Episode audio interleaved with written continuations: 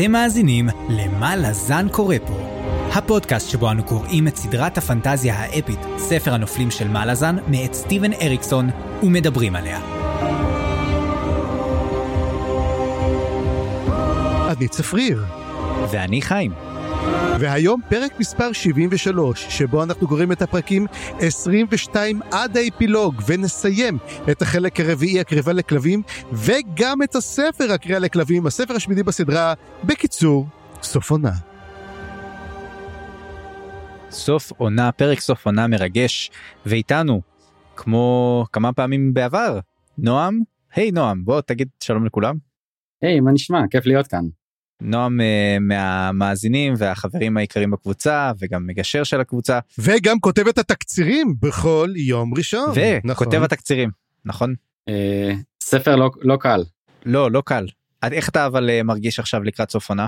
Uh, קודם כל התרגשות, באמת uh, מבחינה אישית, אחד הספרים, אולי הספר האהוב עליי בסדרה, ובהחלט uh, אחד מהסופים החזקים שקראתי בכל אחד מהספרים אי פעם. בכללי יהיה עצוב אה, קצת לעבור אותו אבל אה, בהחלט יש לפנינו את היד של אה, סוף הסדרה וזה לא הזמן לעצור. ותזכיר לי אז זאת הקריאה השנייה שלך נכון? כן בעצם הייתה לי קריאה ראשונה לפני כשנה שנתיים והצטרפתי עשיתי אחורה פנה והצטרפתי לכם שוב פעם כמו שצריך באמצע הסדרה בקריאה של, שלנו כקבוצה. זה בעצם קריאה שנייה נכון. אני בדיוק עומד לפני ההתחלה של עוד כל מיני ספרים צדדיים, אבל uh, מרגיש שיש עוד הרבה מה לחפור על העשירייה המרכזית. או, בוודאי ובוודאי. אבל לפני שנתחיל את הכל, ויש לנו כנראה פרק נורא ארוך, כי זאת אומרת, אני כתבתי את התקציר, הוא לקח לי משהו כמו עשרה עמודים, אז, אה, אבל אנחנו, אל תדאגו, חברים וחברות, זה לא פרק מהראשונים שעשינו, שהיו שלוש שעות של פרק, אז כן, אה, וחוץ מזה אני רוצה גם כן אה, להקדיש את הפרק הזה לליאור ברקת. ליאור ברקת הוא חבר טוב שלי, הוא היה פעם גם הבוס שלי, אדם מדהים, שהוא כתב לי אה, לפני כמה ימים, צפריר, תודה רבה, בזכות הפודקאסט שלכם, אני הצלחתי לקרוא את הפרק הראשון, כי אני הטרדתי אותו כבר שנים כבר. ליאור, תקרא, תקרא, תקרא, והוא לא רצה, והוא ניסה, והוא נכשל, והפודקאסט הזה הצליח. ולא זה כותב לי, שמע, אין לי כוח לספר השני. אבל זה בסדר, אני מבין, אבל אתם רואים, יש תמורה בדרגה ויש אנשים שקוראים בגללנו. אז אתה מקדיש את הפרק למישהו שבחיים לא ישמע אותו כנראה, וגם אם הוא ישמע אותו זה יהיה ב-2027. בדיוק אתה לא מבין את הגאונות של זה אגב זה כמו שמזכיר לי טד וויליאמס הנה תמיד אני חייב להכניס מספרים אחרים יש את טד וויליאמס סופר פנטזיה נהדר מי שקרא את סדרת אוסטן ארד שלו יודע כמה הוא מעולה אולי נעשה על זה גם כן מי יודע בפודקאסט גם כן סדרה שלא תורגמה עם ספרים שאפשר לזרוק אותם על זבוב ולהפוך אותו לשיפוד. אז מה שקורה הוא שטד וויליאמס כתב לסדרה שקוראים לה ארץ אחרת תורגמה חלק ממנה תורגם לעברית והוא כתב הספר הזה מוקדש לאבא שלי עכשיו אבא שלי לא קורא פנטזיה אז יש סיכוי שהוא לא יקרא את ההקדשה הזאתי והוא כותב כל ספר, גם הספר הזה מוקדש לאבא, הוא עדיין לא יודע. עד האחרון, ואבא שלו לא קרא את זה. והוא אומר, אבא, אתה מודע לזה שיש ארבעה ספרים, אתה אפילו לא קורא אותם. תרים, תגיד, תסתכל משהו. תשמע, אני מאוד מאוד אהבתי את זה, אחת הקדשות הנהדרות ביותר אה, של זה. האמת שהחיבור האריקסוני כאן, החיבור האריקסוני הוא שבאמת אה, ספציפית את הספר השמיני, אריקסון הקדיש לאבא שלו, אה, שנפטר תוך כדי הכתיבה. אז אפילו לא היינו רחוקים מהאקטואליה. מדהים נועם אתה פה בשביל להחזיק אותנו קצר כמו כלבים המשחרים לטרף ו... וזה טוב. אז יאללה לפני שהפרק נהיה ארוך מדי נגיע לתקציר. אה אתה יודע מה באמת שכחתי על מה דיברנו כל העונה הזאת אז חיים תן לנו תקציר. ש... אתם שומעים את זה? הם באים. פרקי הספר האחרונים שועטים אלינו מאפלה ומתחילים לטלטל אותנו כסיות תמימים. ובין הנהמות הנביחות וזעקות הבהלה של שאר הקוראים, שומעים אנו את קולו של האיש השמנמן, שפותח את פיו ומכריז. בפרקים הקודמים של מה לזן קורה פה. אולי ראיתם כיצד בחשכת הלילה הקודם עיניים רושפות ברשפיותם ננעצו בעירנו הנאווה, משחרות לטרף וטורפות תקוות שחר. ונביחות לא שמעתם, כי כידוע כלב נושך אינו נובח בפה מלא. מרחוק מתקרבים הולכי דרכים ונוודים לידם. מציירים מפות על כרכרות וקעקועים על למודי חרב. כסים עומדים ריקים וכוססים ציפורניים. אלים גוססים משוועים למושיע, וילדי אפלה למשמעות, גם אם היא בעצם סוף. כן, כלבים, אלים ובני אדם כנוס כונסו לבמה הנוטה לקרוס, וההצגה התחילה, וצבעה היה אדום.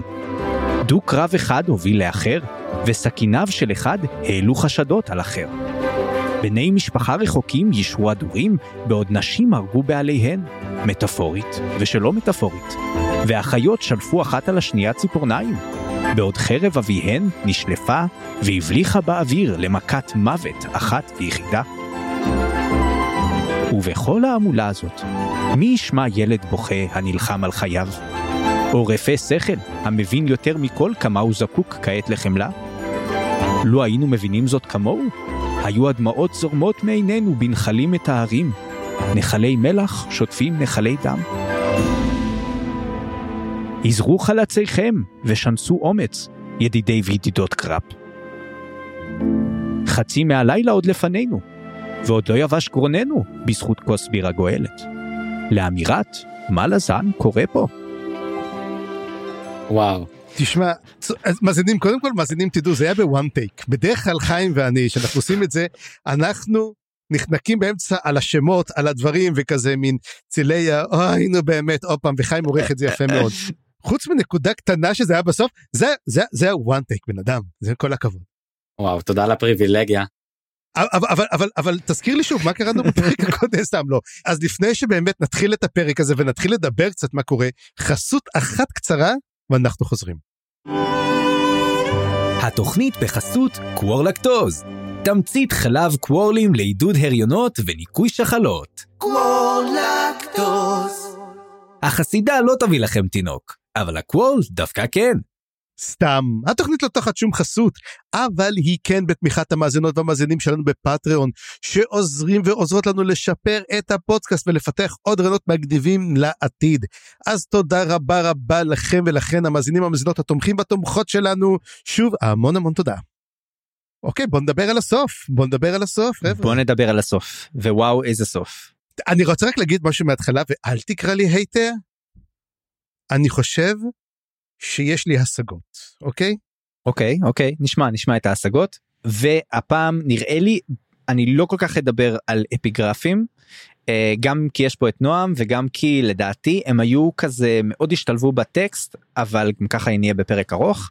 כן, וחוץ מזה עשית את האפיגרף הגדול של כל הזמנים, אז למה להיכנס לזה? אני כן אבל רציתי להגיד כמה דברים. תוך כדי שקראתי, פתאום התחילו לצוץ לי כל מיני השוואות לספר הראשון, שאפילו היו כבר מקודם וכאילו לא עליתי עליהן ופתאום זה כאילו מה איך לא ראית את זה mm-hmm. ולקראת הסוף זה לדעתי כבר ממש בוטה וזה אבל להגיד רק אחת שכבר הייתי צריך לומר אותה בפרק הקודם ולא אמרתי אותה וזה השוואה של טבח הכלבים באיתקוקן. שאנחנו מתחילים בעצם את הסדרה את הספר הראשון עם mm-hmm. טבח כלבים ופה יש גם סוג של טבח כלבים וזה כאילו וואו איך לא שמתי לב לזה ובהמשך נגיד עוד כמה דברים שצצים בפרק הזה אני חושב בצורה די בוטה שזה ממש אה, אחד לאחד.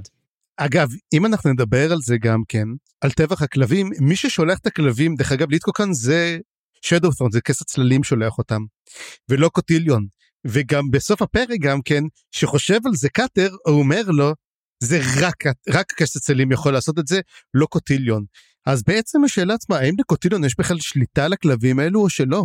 ואני חושב שדיברנו על זה כבר אה, הזכרנו את זה קצת אה, נועם יש לך משהו לומר על העניין הזה?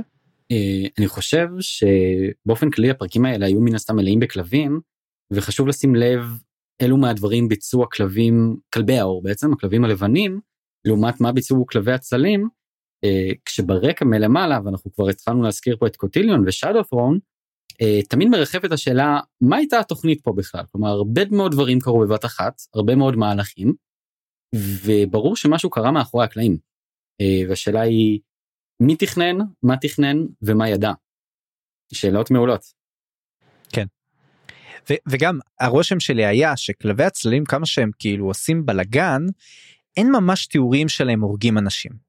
זאת אומרת בעיקר יש הרס וחורבן. או יש יש יש יש הרבה תיאור של בורגים. יש פה ושם אבל זה לא שלא נראה לי לא נראה לי כי בסוף העיר ספגה מלא מלא מכות ונדבר על זה באפילוג. אבל mm-hmm. יש מצב שגם הכלבים עשו יותר מהומה ובלגן, לפחות כלבי הצללים, נדבר על שאר הכלבים גם, אבל Mm. uh, זה, וגם מה שאתה אומר נועם, מזכיר לי שהמוטיב הזה של הכלבים נורא חזק פה, ופתאום יש עוד כלבים שהם לא כלבי, לא רק כלבי הצללים ולא כלבי האור, יש עוד פעם גם את הכלב של קרסה בסוף, ו- וזה, ופתאום, וואו, זה כל כך חזק מבחינה ספרותית, איך הוא הצליח לשזור את כל הדברים האלה שוב. אז יאללה בוא בוא בוא נתחיל כי אחרת לא נסיים. אה, קח אותנו צפריר.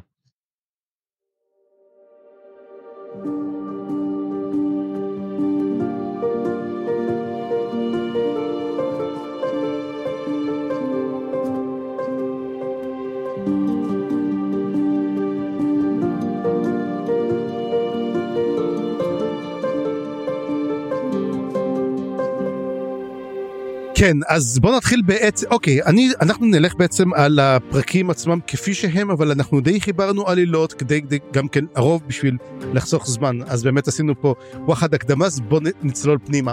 אז אנחנו מתחילים בעצם הם, כמו שאמרנו בקרסה אורלונג והשותפים שמגיעים לתוך יחד הם, לדרוג'יסטן. ומדובר על סמרדף מדובר על קרסה אורלונג מדובר על דסם אולטור. והם הם מגיעים, רוצים להיכנס, ולסמרדב מתחיל לכאוב מאוד מאוד הראש. דרך אגב, נווד, אם אנחנו כבר זוכרים, גם כן, הוא גם כן כבר מתחיל להזות.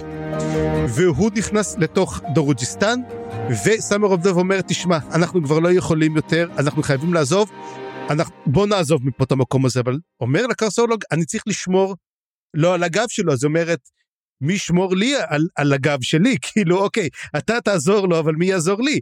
ואז אנחנו רואים את הדוב. שזה מראה שעכשיו היא לא סמרדב, אלא היא סמרדוב. אני שמח שעשית את הבדיחה הזאת חסכת את זה ממני תודה. אני יודע, תשמע, אני צריך מדי פעם לקחת על עצמי את הנטל. ואז מה שקורה, ברגע שסמרדב נכנסת, היא מתחילה לקבל כאבים, והוא אומר לה, את צריכה לשים חומות בגלל מי שנמצא בתוך העיר. עכשיו, השאלה עצמה, האם זה הנומן דה רייק, האם זה הוד, או האם זה מישהו אחר? למה גם כן היא צריכה לבנות? הרי אנחנו יודעים שהיא מקושרת לברן. ואני אגיד לך מי אני חושב שמדובר בעצם, אני חושב שמדובר על קלדן ברוד. היחידי שקשור לברן ויש לו גם את היכולת להשתמש בטנס, זה קלדן ברוד, אנחנו נראה אותו בסוף משתמש בטנס. אז אני חושב שמכשפה, הוא גם אומרים לה, גם מישהו אומר לה, אה, הוא קרא לך מכשפה, אז אני לא מעליב אותך, יש איזה קטע מצחיק כזה בהמשך, אז היא מכשפה. כן. ומכשפות הן למעשה מין שמניות, קוסמות אדמה. אנחנו גם ראינו אחת מהן גם כן אצל הטריגלים היא קוסמת בוץ, היא- אבל זה עדיין ביצה, זה עדיין נשים שהן קוסמות הן קשורות לאדמה. כן וגם דרודן יש לה את זה וסבתא של בוטל אני חושב שתיהן גם מכונות מכשפות. בדיוק, שימו לב, הם קשורים, כן, הם כולם קשורים לאדמה. אז כנראה, האם נשים מקבלות את הקסם שלהם מברן? אנ- אנחנו ראינו, כמה אנחנו ראינו בעצם נשים שהן קוסמות. אני חושב שכבר בספר הראשון יש לנו את אטרסל שהיא כעיקרון קוסמת אור. Mm, נכון. אמ, אני אני די בטוח מסיר, נכון, מסיר. אני די בטוח שגם לאורך הספרים ניתן למצוא אה, קוסמות יש לנו אה, בספר החמישי והשביעי את אה, אה, אני סרן פדק אם אני זוכר נכון שהיא קוסמת אה, של מוקרה. אני לא בטוח שהקישור הזה הוא לגמרי מדויק. נכון. כן, אבל, נכון, אבל מה שבאמת קורה, השאלה, למה היא מרגישה את הכאב ראש הזה? Mm. אגב, מבחינה ספרותית אולי הוא מעניין, אבל מבחינה לילתית הוא לא משנה כלום. נכון נכון אני רק אגיד שבהערה כללית. מי אנחנו קוראים לו קוסם ומי אנחנו קוראים לו מכשף ומי אנחנו קוראים לו כהן. אלה הבדלים סמנטיים אני לא בטוח כמה הם קשורים. אה, ל, ב, כאילו פונקציונלית הם לא כל כך שונים הם פשוט יש להם אלים שונים ודרכים שונות של פעולה אבל בעצם כולם משתמשים במשעולים או בעזרה של אלים ולדעתי אפשר לעשות פה עבודה שלמה לדבר מי זה מי זה מי זה כי נגיד סתם אפילו אה, כהנים אפילו נגיד סתם ניקח את אפסלר כן? שהיא נשלטת על ידי קוטיליון מה היא? היא קוסמת או שהיא אבטאר או שהיא וורלוק או מה היא היא השתמ- היא השתמשה בקסמים, או שהיא רק יודעת ללכת במשעולים? לא ראינו אותה באמת מי משתמשת שרק יודע בקסם. להיכנס למשעול הוא קוסם או לא. זה זאת שאלה שאלות מעולות. אה, אה, זאת שאלה. ואז, ואז, ואז, ואז השאלה שלנו, אז מהו לכל הרוחות גנו אספרה? אתה רוצה, אפשר לקחת את זה, אפשר לקחת את זה עמוק עמוק לתוך הרביט הול. אבל בקיצור, אה, אין לזה דבר, אז באמת בוא נמשיך הלאה מה שקורה. ואז קורה הקטע, שהוא הקטע הכי לא מובן בכל הספר, ואני בטוח שהוא קשור איכשהו לספרים הבאים, הם שמסתכלים לשמיים והירח, פשוט אחד הירחים מתפוצץ. עכשיו, זה מין קטע סופר אפוקליפטי, אתה יודע, אתה מסתכל לשמיים ואתה רואה את הירח מתרסק, ואתה אומר לעצמך, אוקיי, אמ, לא היה שום דבר שהקדים לזה, ואפילו יותר מאוחר אומרים, אנשים פשוט צריכים להבין שפשוט דברים קורים בלי שום סיבה. וזו התשובה שקיבלנו, זאת אומרת, אתה יודע, ירח התפוצץ, קבל. מבחינה תמטית זה, זה הרי גאוני. כי אם אנחנו מדברים על גני הירח ועכשיו ניפוץ הירח וגם מתחבר לתמה של אה, צ'אליס שנדבר עליה לקראת הסוף אבל אבל ניקח את זה כזה פייס value כן יש פה מין סימן של סוף של של אפוקליפסה כמו שאתה אומר וזה לגמרי הכנה לדעתי לספרים הבאים שכנראה יהיו סוג של משהו יחידה בפני עצמם. אה, לפחות ככה זה נראה לי. כן, אני, אני גם חושב, מה שהולך להיות הוא בעצם גם שאנחנו נשמע את כל המאורעות, בעצם ספר תשע יהיה מין כמו אה, במקביל לספר הזה, ואנחנו נשמע על כל זה, הרי אנחנו ראינו הרי שגנו אספרן היה במלחמה, והוא אמר תדברו עם הצלופח, זאת אומרת, אנחנו עוד פעם נראה קטע דומה לזה, אתה יודע, כמו שראינו בספר השני והשלישי, שזה מתרחש mm-hmm. ככה במקביל, ויש שם, המון המון קטעים כאלו, אז אנחנו נראה את זה, אז אני אומר, אוקיי, אני מקבל את זה, פייס ואלו, אוקיי, אנחנו הולכים איתך, אה, סטיבן אריקסון, אבל זה מין, היה קטע נורא נורא מוזר לי. אני חושב שחוץ מזה שהירח בעצם משקף הרבה דברים כמו שחיים אמר שקורים בעיר, אה, באופן כללי הירח עצמו הוא איזשהו סימבול אה, לתקווה ולאיזושהי תמימות שבהתחלה נשברת ויש אחר כך את השלב של הלידה מחדש. אחר כך אה, כשנדבר על שליס מן הסתם יהיה מעניין להעלות את זה. בנוגע לספר הבא מעניין לראות אם שמתם לב שהמונחים דאסט ודרימס גם בשילוב שלהם יחד עלו כמה וכמה פעמים. כן, מופיעים פה. אה, אפ, מופיעים, אפילו, כן. אפילו בצורה מפורשת. כלומר, היו כמה אפילו רמזים אה, עקיפים, אבל גם כמה ישירים מאוד. כן. כן. וגם האלמנט של הירח עכשיו אני נזכר קשור גם לטיסטיאנדי שפתאום מקבלים פה אור אחר לגמרי בפרקים האלה אור אחר לגמרי. מון, מונספון. וגם מונספון וגם נכון. ואם אם, וואו עכשיו זה לגמרי שולח אותי. אם ניקח שוב את האלמנט הזה של ספר 8 מקביל לספר 1 מונספון שנשבר לעומת מון שנשבר. כן. אגב צריך אגב צריך לזכור גם כן שזה מה שמעניין שהירח שהוא מתרסק האבנים שלו לא נופלות לכיוון העולם המלזני אלא כוח המשיכה נופל לכיוון ירח אחר קטן יותר. הירח שאליו דרך אגב סיפרה אה, אפסלר על גני הירח הגני ירח הם, הם הקטנצ'יק הזה באמת מעניין אם יש אנשים שם וקרוקוס שואל את עצמו הם הולכים להיפגע אותם אנשים שהיו בגני הירח? זאת אומרת, הוא עדיין מאמין, זאת אומרת, ודרך אגב, כשהוא מת הדבר הזה, הוא משנה את שמו מקאטר לקרוקוס. אבל אנחנו זוכרים, דרך אגב, שקורו כאן, בספר החמישי אמר, שירח אחד כבר הושמד פעם. וזה הירח השני שמושמד. אמ, זאת אומרת, במצב הזה כבר ירחים לא יהיו לנו.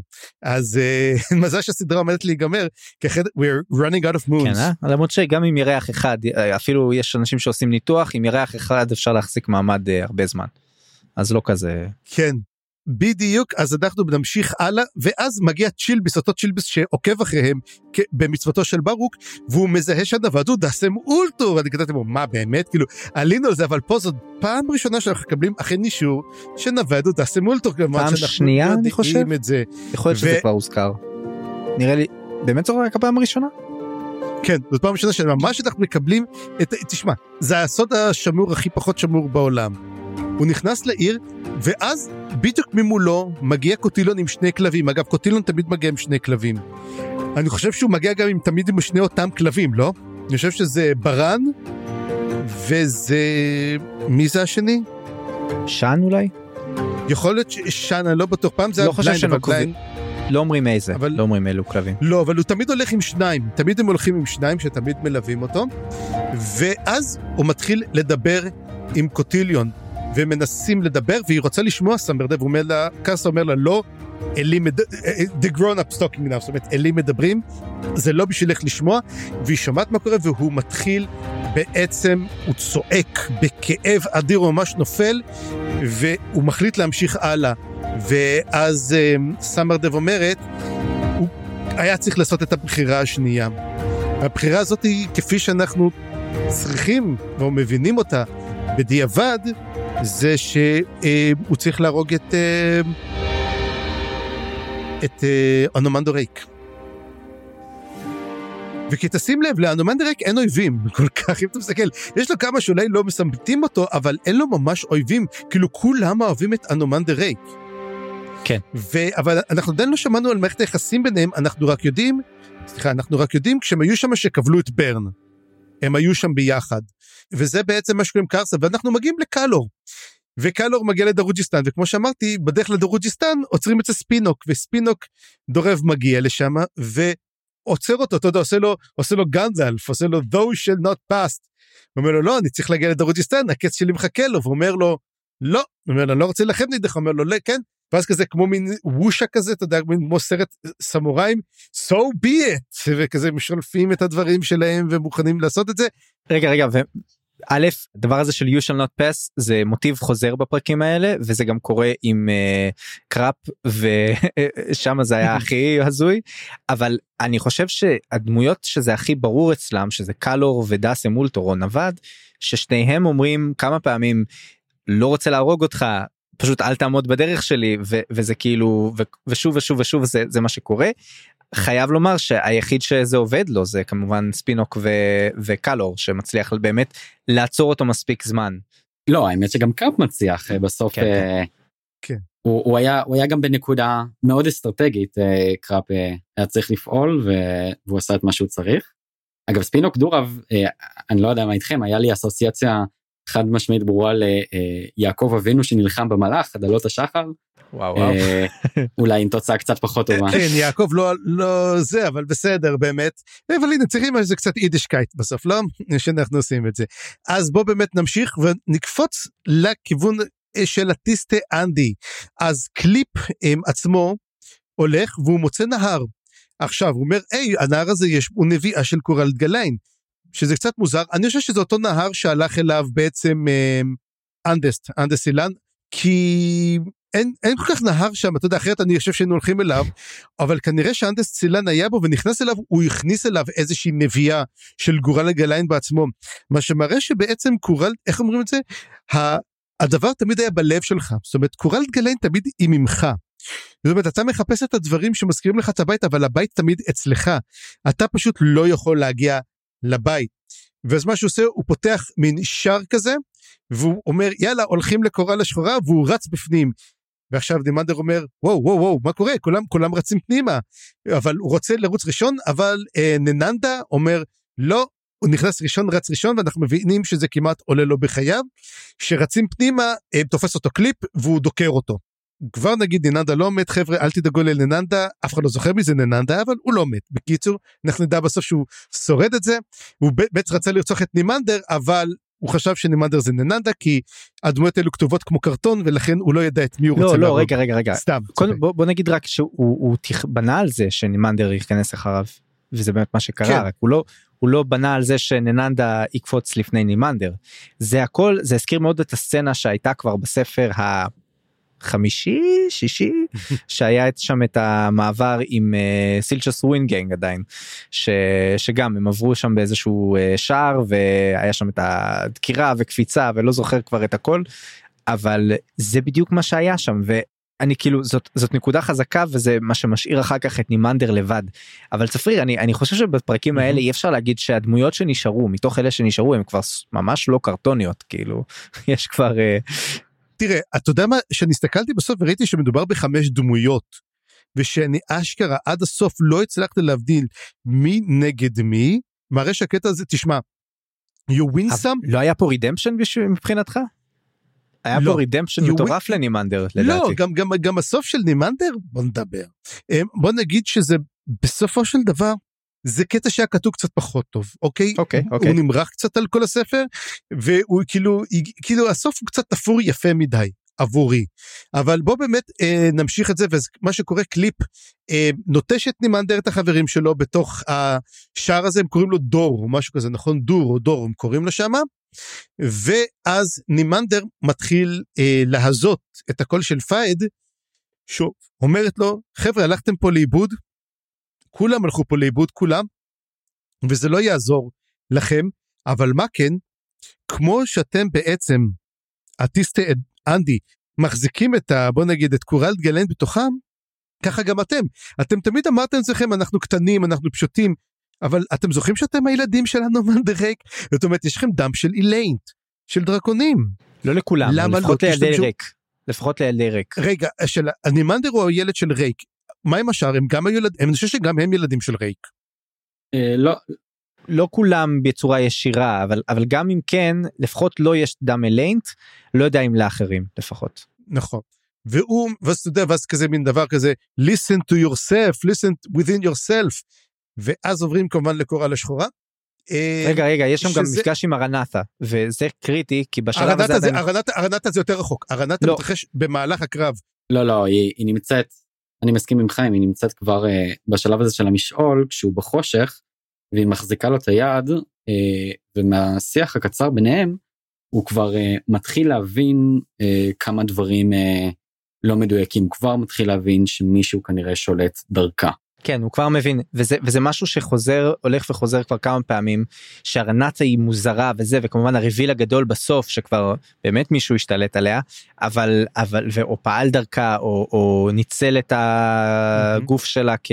כ מרכבה או משהו בכל זאת זה בהחלט אה, מעניין אבל זה גם מחזק פה את העניין אה, סוגר פה נראה לי מתחיל לסגור את האלמנט הזה של הסיפור האהבה שהיה בין אימנדר וארנתה. שאם פייד אה, נגלית אליו גם היא נגלית אליו. היה, היה, היה, היה סיפור אהבה? היה סוג של סוג של הייתה, היה סיפור אהבה בין? תראה, פס- פספסתי את זה, לא אגב, אמ, מה שקורה, בדקתי, זה קורה יותר מאוחר, הרבה יותר מאוחר, בספר שהיא בכלל מגיעה אליו, מגיעה אליו. היא תופסת לו את היד יותר מאוחר, ממש יש את הקרב כבר בין אמ, סיר דומין, כבר, יש את הקרב, אומרת, זה אמ, של אנדסט סילן מול קליפ, כי הם יוצאים ביחד, אז קורה הכל ביחד. אז נמשיך, ובוא נחזור באמת לקורל השחורה, וקורל השחורה, מה שקורה שם, יש לנו אה, בלאגנים שם, כמובן סלינד, שהייתה, בוא נגיד, אה, בתולה עד אותו דבר, היא נאנסת מאוד מאוד באכזרית על ידי גרדית'ן, יכול להיות אפילו גם על ידי אחרים, אנחנו לא כל כך דברים. היא פשוט, מונקרט אומר, היא פשוט נוצלה בצורה נוראית, והיא שוכבת כבר באוהל שם, וכל הגוף שלה אה, זורם ממנו סמן כלי, כבר מכל בעיניים, מכל חור אפשרי, פשוט זולג ממנה. ומונקרט מבין ש... מונקרט, סליחה, מבין שזהו זה, הדרקונית עומדת להגיע, לעשות להם, אה, אני הולך לגמור אותם, והוא וספינדל אומרים, אוקיי, אנחנו צריכים אז לעשות כן משהו. מה אנחנו יכולים לעשות? והוא אומר, קח מפה את הילדים. אנחנו לא יכולים להשאיר אותם פה, בוא נברח מפה. ואז אומר לו בדיוק, אני לא בטוח, אנחנו נצליח לא, ואז ספינדל תופס, אומר למונקרט, מה זה להיות חייל? והוא אומר לו, תשמע, חייל זה לא רק, אתה יודע, רק למלא פקודות, זה גם, יש לך מין, אה, והוא נותן לו את הנאום שנתן להם דסם אולטרו, את האני מאמין שלו, שהוא אומר, אנחנו עושים ככה, וזה מי שאנחנו, אתה יודע, אל תשלח ידך בביזה, ואל תשלח ידך זה, ותעזור לאנשים, שהמטרה של הצבא המלזני, אנחנו מבינים פה, זה צבא. טוב, זה אומנם צבא כיבוש, אבל זה צבא שבא בעצם להקל עליהם. אנחנו ראינו את זה כבר בספר השני שמדברים על על המרד, כמה המרד מחזיר אחורה בשנים את, את החיים של um, אנשי שבע ערים. שבעצם החיים שלהם היו טובים תחת השלטון המלזני, ועכשיו תחת השלטון שלהם, השלטון המושחת של הפלאדים ושל כולם עושה רק רע. אז בעצם הוא שתי אומר, נקודות רק זה כן. מתקשר א' כמובן לתמה של what did the Malazan ever do for us זה כמובן כן, אבל מהמם. מעבר לזה גם אם ניקח את זה יותר פרטיקולרי זה מדבר על דאסם אולטור שכמובן בפרקים האלה מקבל המון המון מקום זה קצת שם באור טיפה שונה אולי את, את הדו קרב שלו עם, עם רייק בהמשך אבל גם אני רוצה לומר שזה לא כזה ברור מבחינה מוסרית. זאת אומרת יש פה קושי לומר שזה בהכרח אפשר לבוא עם אתה יודע מערכות מוסר וצדק ו- ו- וכאלה מבחוץ כמו איזה כובש או כמו עם אחר שמגיע לאזור שהוא לא מכיר או לא היה בו עד כה או לא שלט בו ולהגיד אנחנו נכיל פה עכשיו את הצדק שלנו על האזור זה בדיוק הרי היה כל העניין הזה של הקולוניאליזם באפריקה ובדרום אמריקה כן. וכל הדברים האלה בוא נגיד שהם לא עשו את זה, בוא נגיד שהרעיון נחמד, הביצוע אפס. וזה, אני רוצה להכניס פה באמת מאמר מוסגר פה, דווקא לסטיבן אריקסון ועל האמונות שלו. ומאיפה? יש, סטיבן אריקסון הרי לא סיים לכתוב את המלזון, הוא כתב עוד הרבה ספרים. אחד הספרים שהוא כתב, קוראים לו Rejoice um, a knife through the heart. שזה נהדר. אתה יודע, כאילו, שמחה ואושר, שקים בתוך הלב, שזה נשמע נורא מוזר, אבל ריג'ויס, יש לזה כוונות מאוד מאוד דתיות, אתה יודע, הריג'ויס אנשים וכל הדברים האלו, והוא מספר על um, סיפור מדע בדיוני, ספר של מדע בדיוני, שמספר שמגיעים עב"מים לכדור הארץ והם כופים עליו את המוסר אמות מוסר. מאוד מזכיר את קץ הילדות דרך אגב ואת הדרך שלהם אבל זה קצת יותר קץ ילדות מודרני. הם אתה יודע למשל בן אדם רוצה לדקור מישהו בסכין אז הם כאילו מגבשים את האטומים שהסכין לא יחדור. זאת אומרת אתה לא מסוגל פיזית להרוג בן אדם. זאת אומרת הם לוקחים לך את הרצון את היכולת.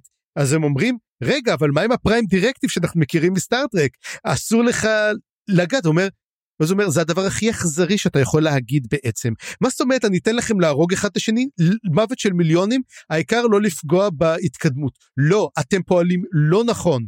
אתם פועלים לא בסדר ואנחנו לא ניתן לכם לעשות את זה.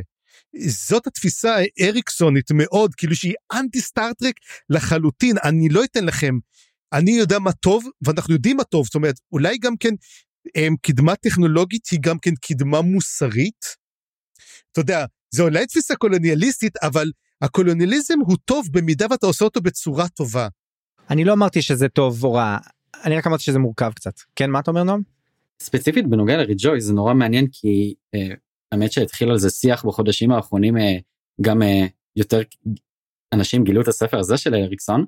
אה, אריקסון הושפע כמו שצפיר אמר גם הרבה מאוד מסטארטרק אה, ספציפית הספר, הספר הזה הושפע גם הרבה מסדרת אה, קולצ'ר של אה, איין בנקס אז אה, אם יצא יצא לכם לקרוא אה, באופן כללי השאלה על כן. אה, באמת איזשהו רלטיביזם מוסרי ומה. אבל אבל אגב בקלצ'ר אם אנחנו מדברים של איאן מקס אגב איאן מקס היה שונא ישראל ענק אבל ידע לכתוב לגמרי. טוב מאוד. יצא בעברית ספר אחד שלו השחקן שהוא הספר השני אמנם אבל עדיין נקודת כניסה הקלצ'ר זה מין תרבות ניהיליסטית שאומרת תעשה מה שבא לך לך תעשה מה שבא לך ותזרום איך שבא לך אבל מדי פעם משתמעים אז אומרים אתה יודע מה? בוא ניצור קשר עם יצורים אחרים. ואם זה לא מצליח אז אתה יודע מה? מגניב שיהיה שנעשה כאלו חלליות ענקיות ונפוצץ אותם כי מלחמה יכול להיות מה זה מגניב? אמ, בוא ננסה. יכול להיות מגניב. אמ, זו תפיסה מאוד מעניינת אבל שווה לקרוא אותו גם כן. האמת שאחת מהדברים ש... ואולי פה אה, האמת שאחד מה... התפיסות המעניינות שאריקסון מנסה לחקור אה, אם אנחנו כבר איכשהו זולגים לדברים האלה. זה אה, מה קורה בעולם שבו אין אה, מחסור של כל מיני נקרא לזה מוצרי יסוד שאנשים צריכים ובעצם יש לכולם כל מה שצריך לאן אנושות תתפתח במצב כזה. כן. דרך אגב יש אנשים היום גם שאומרים שבעיית המחסור באמת אינה קיימת אלא היא מומצאת. זה גם סיפור אחר וזה גם כן נראה לי אריקסון גם מדבר על העניין הזה. כן מה שיפה באריקסון זה שהוא מביא את כל הדיונים האלה כהיפותזות הוא לא זה לא נראה כאילו אף פעם לדעתי אני לא ראיתי מקומות שבהם הוא ממש preaching אה, כאילו ו, וזה וזה תחושה מעניינת אני אוהב את זה דווקא בכתבים של אריקסון עד כה. כן אין, אין האכלה בכפית או אתה יודע אני איך קוראים לו טרי גודקינד ואני אגיד לך מה טוב ומה לא טוב ואם אתה לא מאמין למה שאני אומר אתה רשם מרושע וטובח ילדים. בגלל זה אני לא קורא את חרב האמת אוקיי אה, נמשיך הלאה למי שקרא וסבל.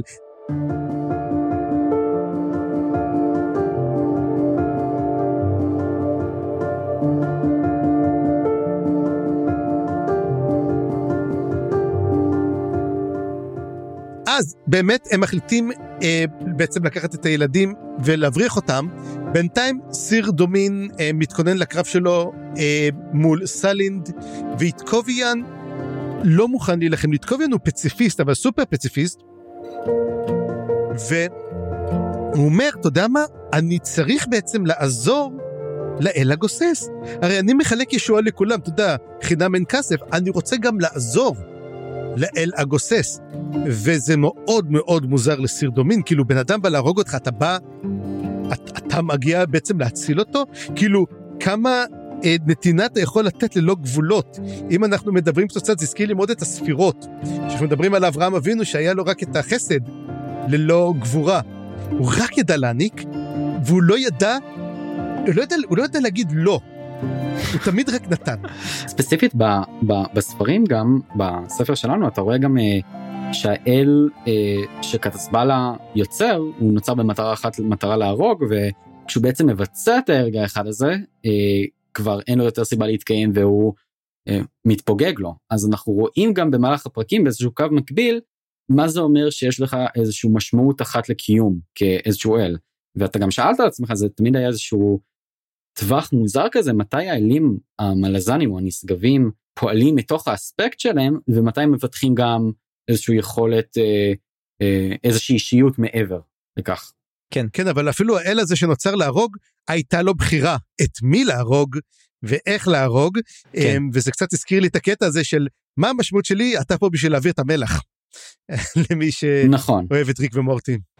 כן אני אגיד שבנקודה הזאת שה... זה, זה בדיוק הנקודה הזאת של unstoppable force meets an immovable object וזה mm-hmm. בדיוק הנקודה הזאת של האל שרוצה להרוג שרוצה שהכל ימות או, או שלחיות את המוות של הכל והאל שהוא חסד בלתי נגמר ומעניין שהזווית הזאת של החסד לא באמת משתנה לאורך הפרק אבל בסוף איתקוביאן מקבל את האישור של כן זה מה שאתה צריך להיות זה הכוח שלך וזה גם מה שנותן לו את הכוח להישאר וזה אה, היה נקודה מאוד חזקה כי אני חושב שזאת שאלה שהוא התחבט בה לאורך הזמן ואולי דווקא ההתחבטות הזאת לא נתנה לו באמת להגיע למסקנה שזה שזה נכון וזה מה שאני וזה ככה אני אתקיים וככה אני אעמוד גם mm-hmm. מול התקפות כאלה. אני חושב גם שספציפית אפילו אם אנחנו מקבלים סוף בו אה, איתקוביאן מאמץ את האישיות הזאת של הרדימר עדיין לא ברור במסגרת הספרים אם זה הדבר נכון אנחנו רואים לאורך הספרים גם דוגמאות בהם החמלה מוצגת באור מאוד חיובי אה, במובן הזה וגם להפך דוגמאות בצורה מאוד שלילית זה לא שאנחנו מסיימים את הספר שאנחנו חושבים שמעתה הדבר הנכון הוא למחול לכולם אה, כי זה לא בהכרח מאזן את מה שאנחנו ראינו בתחילת הספר לדוגמה אה, שזה יצר. אה, אני חושב שלאורך הספרים אנחנו רואים דוגמאות הרבה לכאן ולכאן וזה בהחלט יוצר תפיסה יותר מורכבת של העניין. כן. אה, אז כמו שאנחנו אומרים אבל עדיין איתקוביאן מבקש מסיר דומין כאילו אם הוא הולך על חסד והולך אומר לו תשמע תציל את סלינד אל תהרוג אותה. כי בעצם ספינוק אוהב אותה ואל תהרוג אותה נסה להציל אותה. וזה בעצם אנחנו נראה שאכן הם, באמת יעשה את זה אותו דבר הם, סירדומין ואז אנחנו מגיעים בעצם לאנדס סילן שהוא מסתכל על המחנה מרחוק ואומר well there goes the neighborhood והוא מבין שזה באמת הסוף. ושתי צנות קטנות אחרונות שמתרחשות, אחת בדרגניפור, שבעצם מתחיל הצבא בעצם תוקף את העגלה, עומד לרסק אותה, זאת אומרת הקרב ממש ממש לא הולך טוב, ודרקונוס כזה נעמד על הגופות ואומר להם, תשמעו באמת, אה, היה רעיון טוב, אה, לא נראה לי הצליח, אני ממש ממש מתנצל. אה, ואז אפסלרה שנמצאת למטה היא מוצאת את השער. היא מוצאת את זה אותו שער שהכלבים ברחו ממנו, אותו השער, והיא מבינה שאפשר לברוח דרך הנקודה הזאתי, אבל אז מישהו גם מגיע. זה בעצם, בוא נגיד, מאיפה שאתה מגיע זה גם הנקודה שממנה אתה יכול לברוח. ואז היא רואה שמישהו מגיע, ולמעשה פתאום מגיע הוד, וזה היה קטע מדהים שאומר אי אפשר לעשות, והוא מגיע, ואז זה קטע יפה של שלשלאות נוצרות לו על הידיים.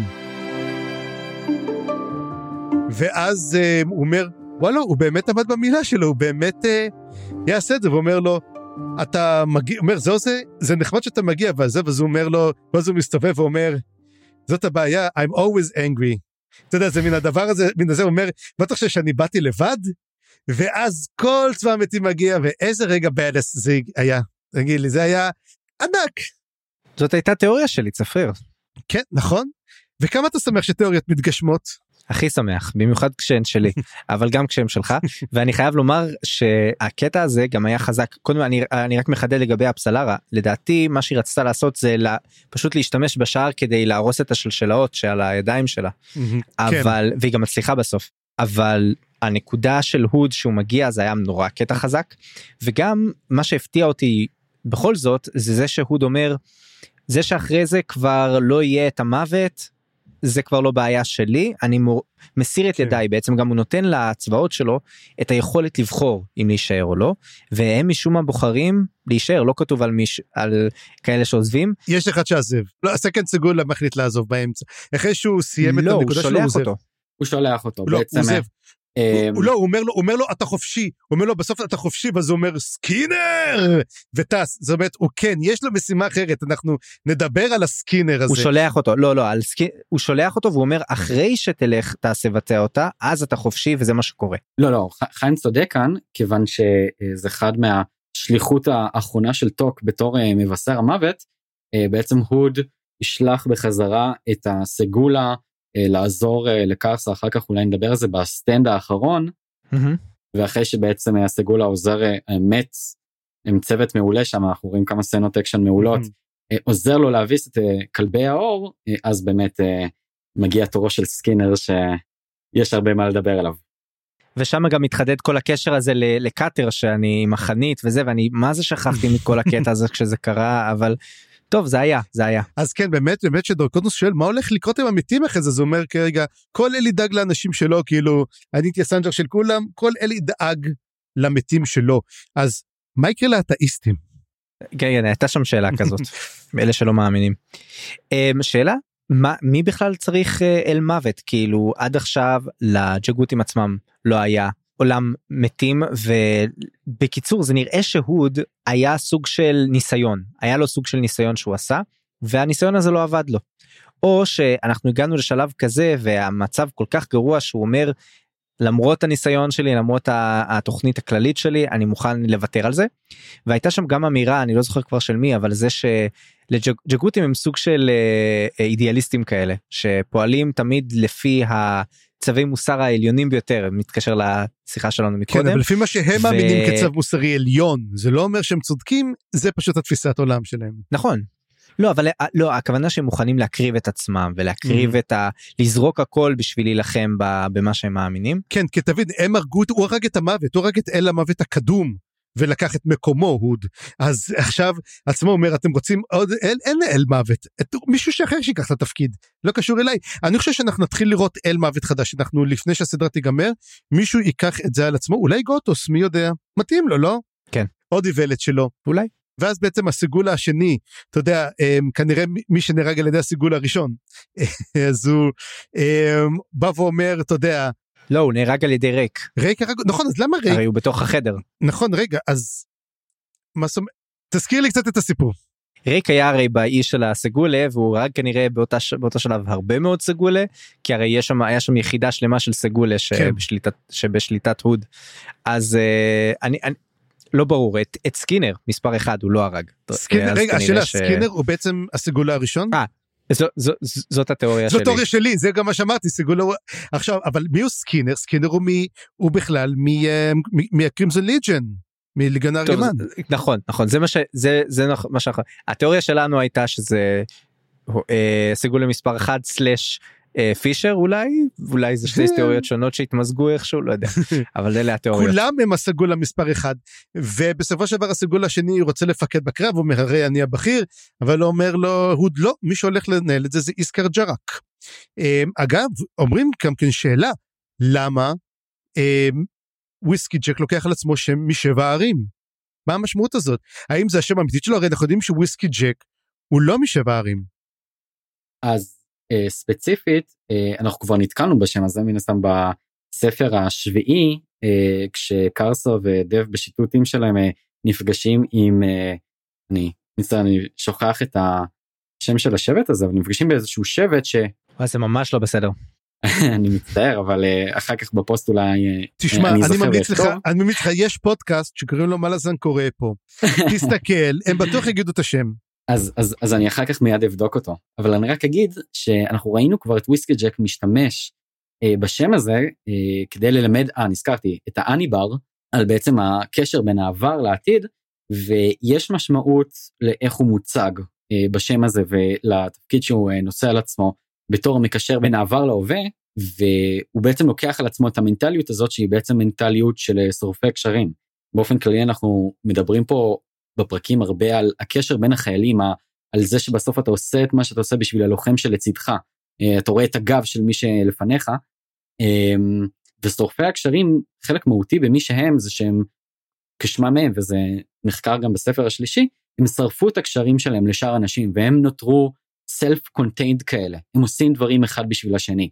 אה, ובעצם איסקר ג'רק שבספר השביעי אנחנו רואים אותו שומר על, הג... על, ה... על השער, על הגשר בין העבר להווה, הגשר שנשרף בעצם, הוא זה שעכשיו מוביל את אה, שורפי הקשרים, שהם אלה שעושים את ההקרבה האולטימטיבית אה, בשביל כל השאר.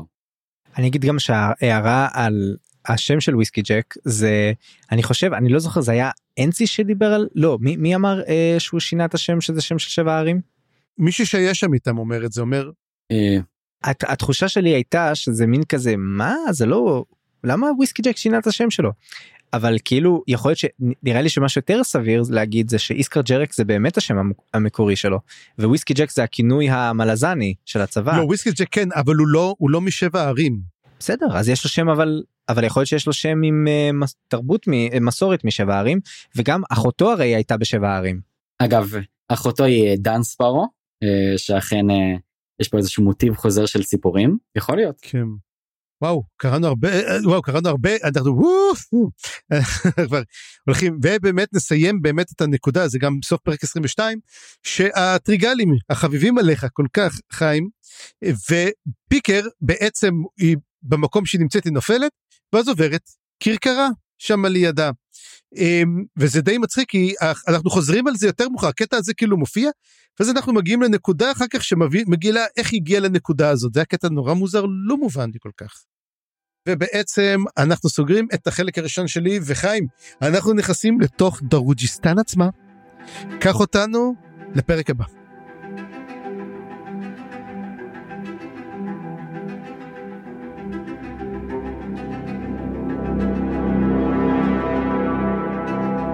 כן ונתחיל בקטע שאתה קראת לו כלב לכלב זאב. אה, וכלבי הצללים כמו שאמרנו עושים הרבה רמפייג' בעיר ויש פה כמה נקודות שהן כאילו מנקודת מבטם של הכלבים שזה מעניין. ויש קטע שהכלבים בתוך עצמם יש איזשהו סוג של מתח ויריבות לפחות רואים את זה בין ברן ופליד שמתחילים ככה תוך כדי שהם עושים הרס כללי גם להתחיל אה, לחשוף שיניים אחד כלפי השני כזה זה לא נראה שממש נלחמים אבל הם כן לא ביחד ממש. מה שמוביל לזה שהפליד ולוק מתפצלים מכלבי הצללים ומביאים בסוף את כלבי האור שזה היה אחת השאלות שלא נותרה פתוחה שהיו ממש אה, הייתה שאלה מעניינת זה האם בכלל יש כלבי אור ואין כלבי אור מסתבר שיש ולא רק שיש אלא שהם עשרה כולל פליד ולוק לעומת החמישה כלבי צללים עכשיו שזה אה, לא כוחות נכון?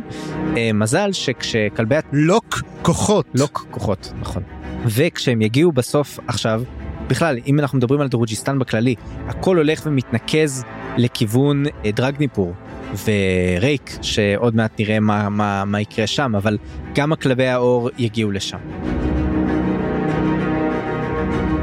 אז בדרך שכל הרמפייג' הזה קורה יש את ברת'ול שאימנסי נמצא בכלא וכלבי האור מגיעים ובעצם אה, או לפחות זה אולי בשלב שזה עוד לא כלבי האור אלא זה רק פליד אה, הורסים את בית הכלא משחררים את ברת'ול אבל אז ברת'ול עומד מול הכלב ומי שמציל אותו כמובן זה צ'או במחיר חייו כך מסתבר או לפחות uh, בהמשך יסתבר. וכן אתה יודע מה שקרה uh, קרה מה שחשבתי שיקרה שצ'או באמת ימות מהדבר הזה וברת'ול ייכנס קצת לאמוק וילך להילחם בעוד כלבים.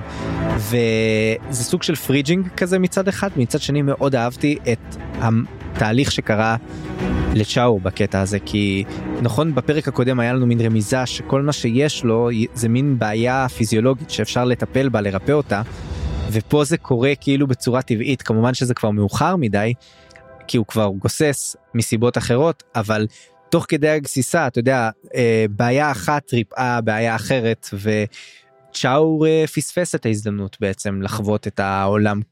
לא אני לא חושב כי אנחנו נראה גם בסוף ברגע האחרון שהוא ממש כבר נמצא על הקרשים ומוכה.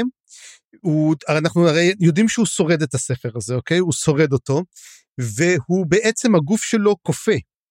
והוא לא יכול לעשות, אבל אומרים שהסינופסות מתחילות לרוץ, והמוח שלו מתחיל להתפתח, זאת אומרת, אם יעירו אותו, יהיה לנו, יהיה לנו צ'אור חדש לגמרי. אוקיי, נכון, נכון.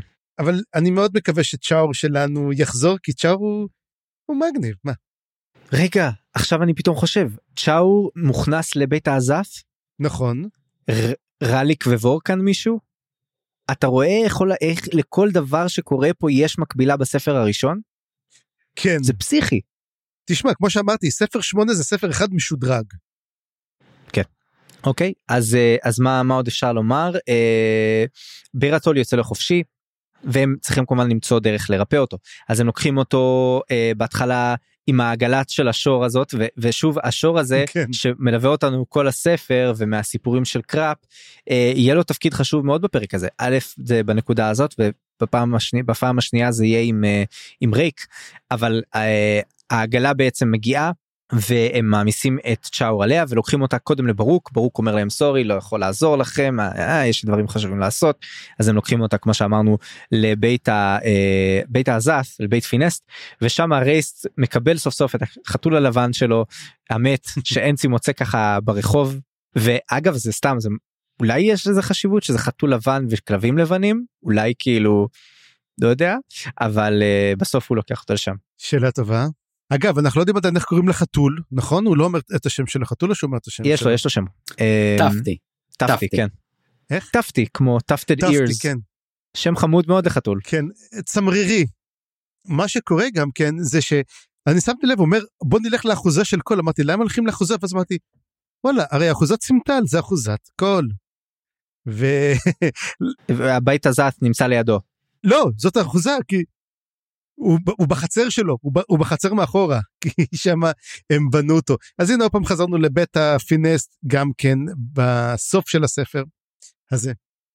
ואז בוא נדבר רגע על האחים לבית נום או הבני דודים לבית נום יש לנו בעצם את טורוולד וראליק שגם רואים את כל הדברים מהאחוזה מגגות האחוזה ושם מסתבר כמה דברים קודם כל וורקן הם, הם הרי בדיוק שרדו את ההתקפה שהייתה עליהם ווורקן מתכננת כבר את הצעדים הבאים ונראה שראליק די שזר את גורלו בגורל וורקן ויותר מזה נראה שטורוולד רומז על איזשהו רומן ביניהם אולי אפילו.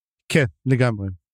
שזה מעניין אני לא חושב שעד כה היה לנו לזה רמזות יותר מדי אבל מצד שני זה לא מפתיע כי ראליק באמת אה, בילה הרבה זמן בגילדת המתנגשים אולי קרה משהו בעבר אנחנו לא יודעים עליו.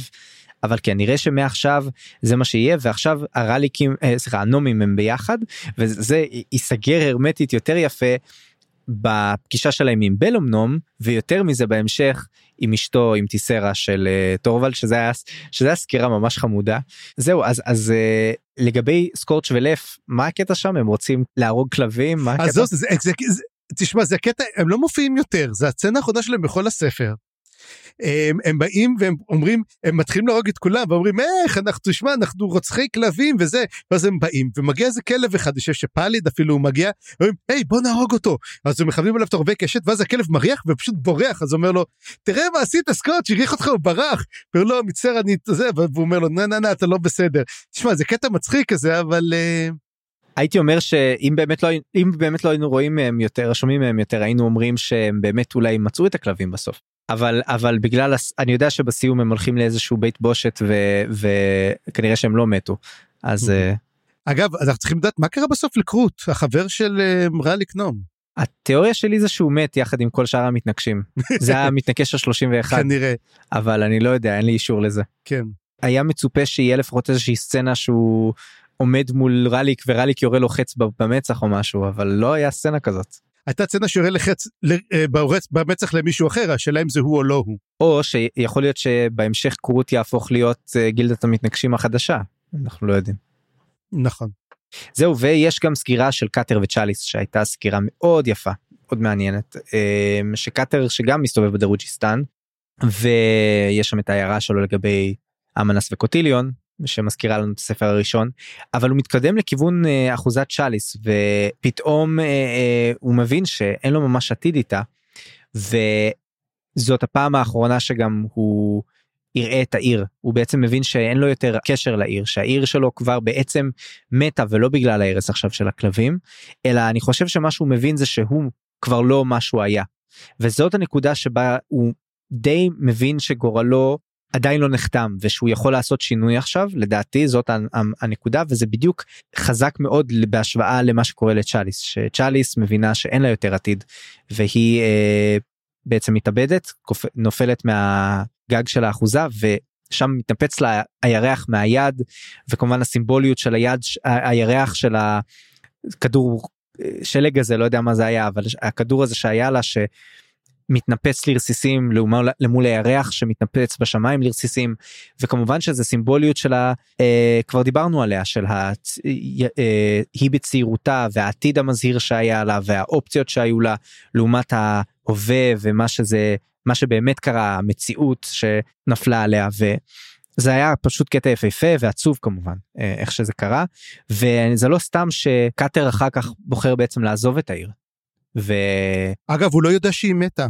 הוא לא יודע שהיא מתה. כן הוא מחליט לא ללכת אני חושב הוא גם נזכר בשלב הזה הוא, הוא מחליט לא ללכת. הוא גם נזכר בשלב הזה באפסלר והוא uh, רוצה לחזור אליה אני חושב שזה הנקודה ש... שהוא הארק שלו מסתיים בספר הזה.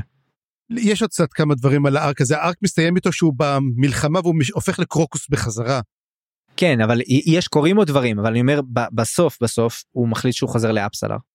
אני חושב שגם בסוף הוא מבין שבנוגע אה, לאפסלר הוא לא צריך אה, לחקות אותה או להיות איזשהו אה, תמונת מראה שלה על מנת להיות ראוי לה. ספציפית גם העלילה של שניהם מאוד מעניינת כי היא מתחילה בזה שאפסלר בעצם הייתה סורי היא תמיד הייתה איזשהו דף חלק שנבנה עליו ותמיד עולות סביב הקשר שלהם השאלות של הזהות האם אני צריך להשתנות כדי להיות מתאים לבן זוג שלי או שאנחנו צריכים להיות באיזושהי צורה מתאימים. נראה לי קרוקוס שהוא חוזר להיות קרוקוס כבר מבין שיש להם הרבה מהמשותף ככה והוא לא צריך לאמץ את הזהות של המתנקש כדי להיות מתאים לה. כן ממש כך. בקיצור דברים מעניינים קורים פה עם, עם קורקוס קאטר ואנחנו נעצור פה כי בהמשך יהיה לנו רצף ארוך מאוד ללא הפסקה ונעשה הפסקת פרסומות קצרה ומיד לאחריה נחזור ונדבר קצת על הקרב האחרון. הלו, מה נראה לך שאתה עושה? אתה לא רואה שחושך בחוץ? יש מקום אחד שבו הבוקר לא יפריע לכם לחגוג את הלילה של חייכם. Black Coral Tours מזמינה אתכם לחופשה בלתי נשכחת בחשיכה מהפנטת וקסומה שלא קיימת בשום מקום אחר. וכעת, נסו את הבנדל החדש שלנו, הזמנה לחשיכה. בואו לחוות תרבות טיסטה-אנדית אותנטית, הכוללת הליכות חסרות פשר ברחובות נטושים, והתנסות אישית בציניות קרה ממדריכים מקומיים. טעמו את הצלופחים השחורים המפורסמים של בלק קורל, וכמובן, נפשו על החוף כל היום ללא חשש משמש טורדנית. Black Coral, אם אתם לא פה, חבל. טוב, תודה שחזרתם אלינו. צפריר, קח אותנו לכיוון הקרב האחרון ומה שקורה שם. אז מתחיל טרמון גיידון, או כמו שאנחנו קוראים לו פה, convergence. מי אמר convergence ולא קיבל? אז מתחילים בעצם, הם, אני קראתי לחלק הזה הנשגבים והשטויות שלהם, ואנחנו מתחילים בעצם עם אנבי וספייט. אנבי וספייט רבות, היא זורקת עליה לבה, היא זורקת עליה, מתחילות לריב, לריב, לריב. אבל אז הן מתחילות להרגיש שאנומנדר ריק חלש. למה זה? כי אנחנו צריכים לזכור שברגע שגם הביאו את כל צבא המתים, הוא מחזיק את כל זה ביד שלו. זאת אומרת, כל פעם שנכנסים יותר ויותר אנשים גם בכוח שלהם, זה עליו. גם הכאוס מתחיל לשתת אנומנדר ריק, הוא לא מסוגל בקושי להגיב. הוא חלש מאוד מאי פעם, אומרות, אוקיי, אז אומרות, הגיע הזמן לקחת את החרב שלו. ואז אנחנו מבינים בעצם מה בעצם הפרס הגדול. לא אכפת לאף אחד, כולם רוצים את דרגניפור.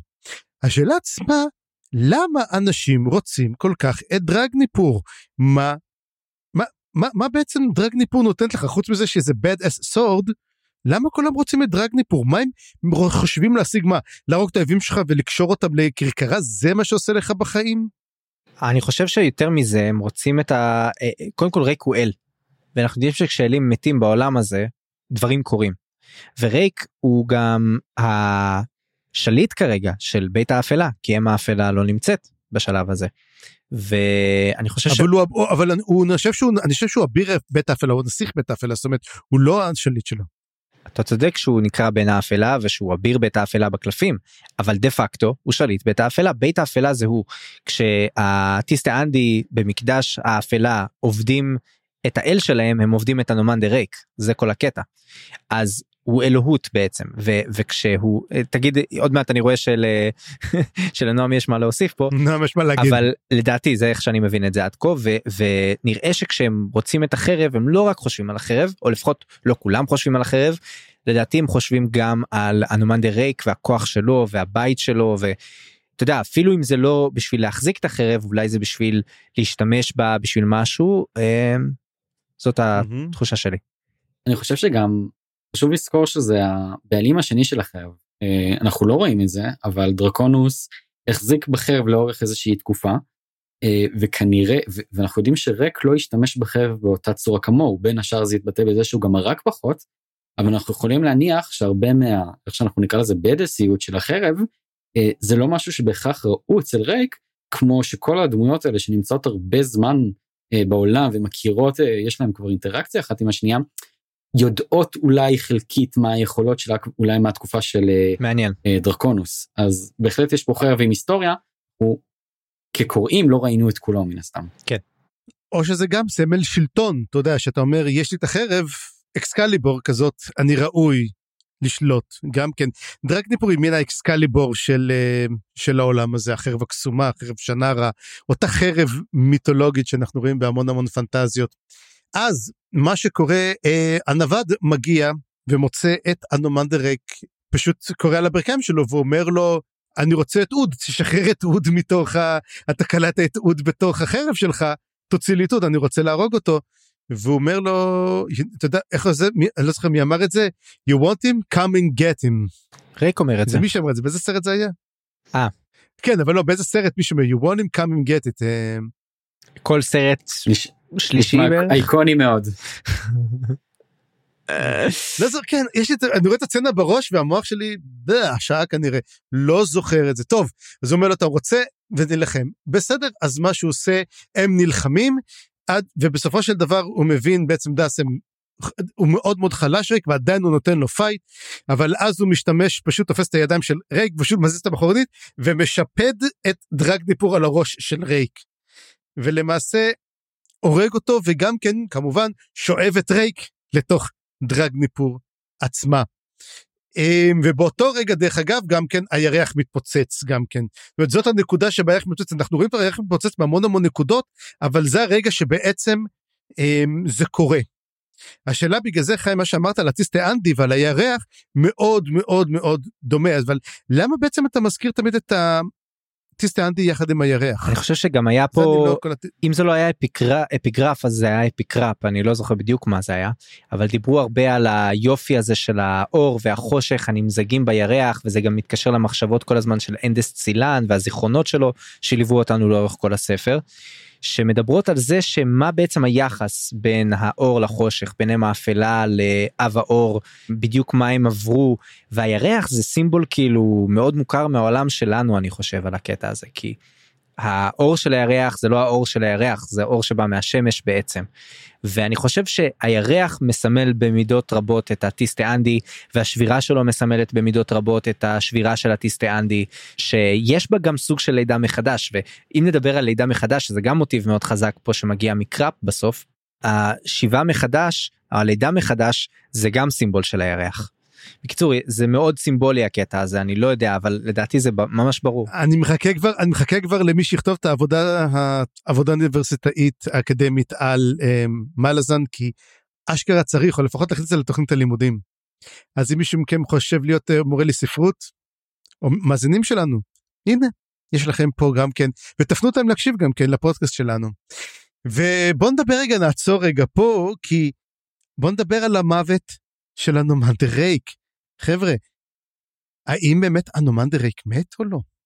אני חושב שאנחנו פה רואים מוות כפול כלומר אה, בשלב הראשון אה, הוא נכנס לתוך החרב אבל mm-hmm. יש את המוות שלאחר המוות כן שאנחנו רואים גם כן אנחנו גם נראה שגם כן מה יקרה בסופו של דבר בגורלה של דרגניפור אבל כולנו רגע כמו שאומרים רגע לכאורה לכאורה דווקא דווקא גורלה של דרגניפור באמת היה אומר לנו שאם ריק לא היה עושה את מה שהוא עשה בתוך דרגניפור אולי הוא היה עוד הוא חוזר. היה יוצא הוא היה, הוא היה חוזר נכון אבל הוא עשה אנחנו באמת נדבר גם מה אנחנו חושבים שגם קרה בסוף ואז בעצם אנומנדר ריק, הדמות אולי הבדס הגדולה מכולם, כבר מת הספר שמיני, זאת אומרת, היא לא תהיה איתנו בקרב האחרון, היא לא תהרוג את אה, האל הנכה, מה שמשאיר לקרסה הרבה יותר הזדמנות לעשות את זה. ואז בעצם אחרי שהוא מת, בוא נגיד החרב up for grabs, ואז כולם מחליטים לעשות זה. מגיעים עשרת כלבי האור שאומרים שהם באים לקחת את זה לאדון שלהם. אני מאמין שזה אוסרק, נכון?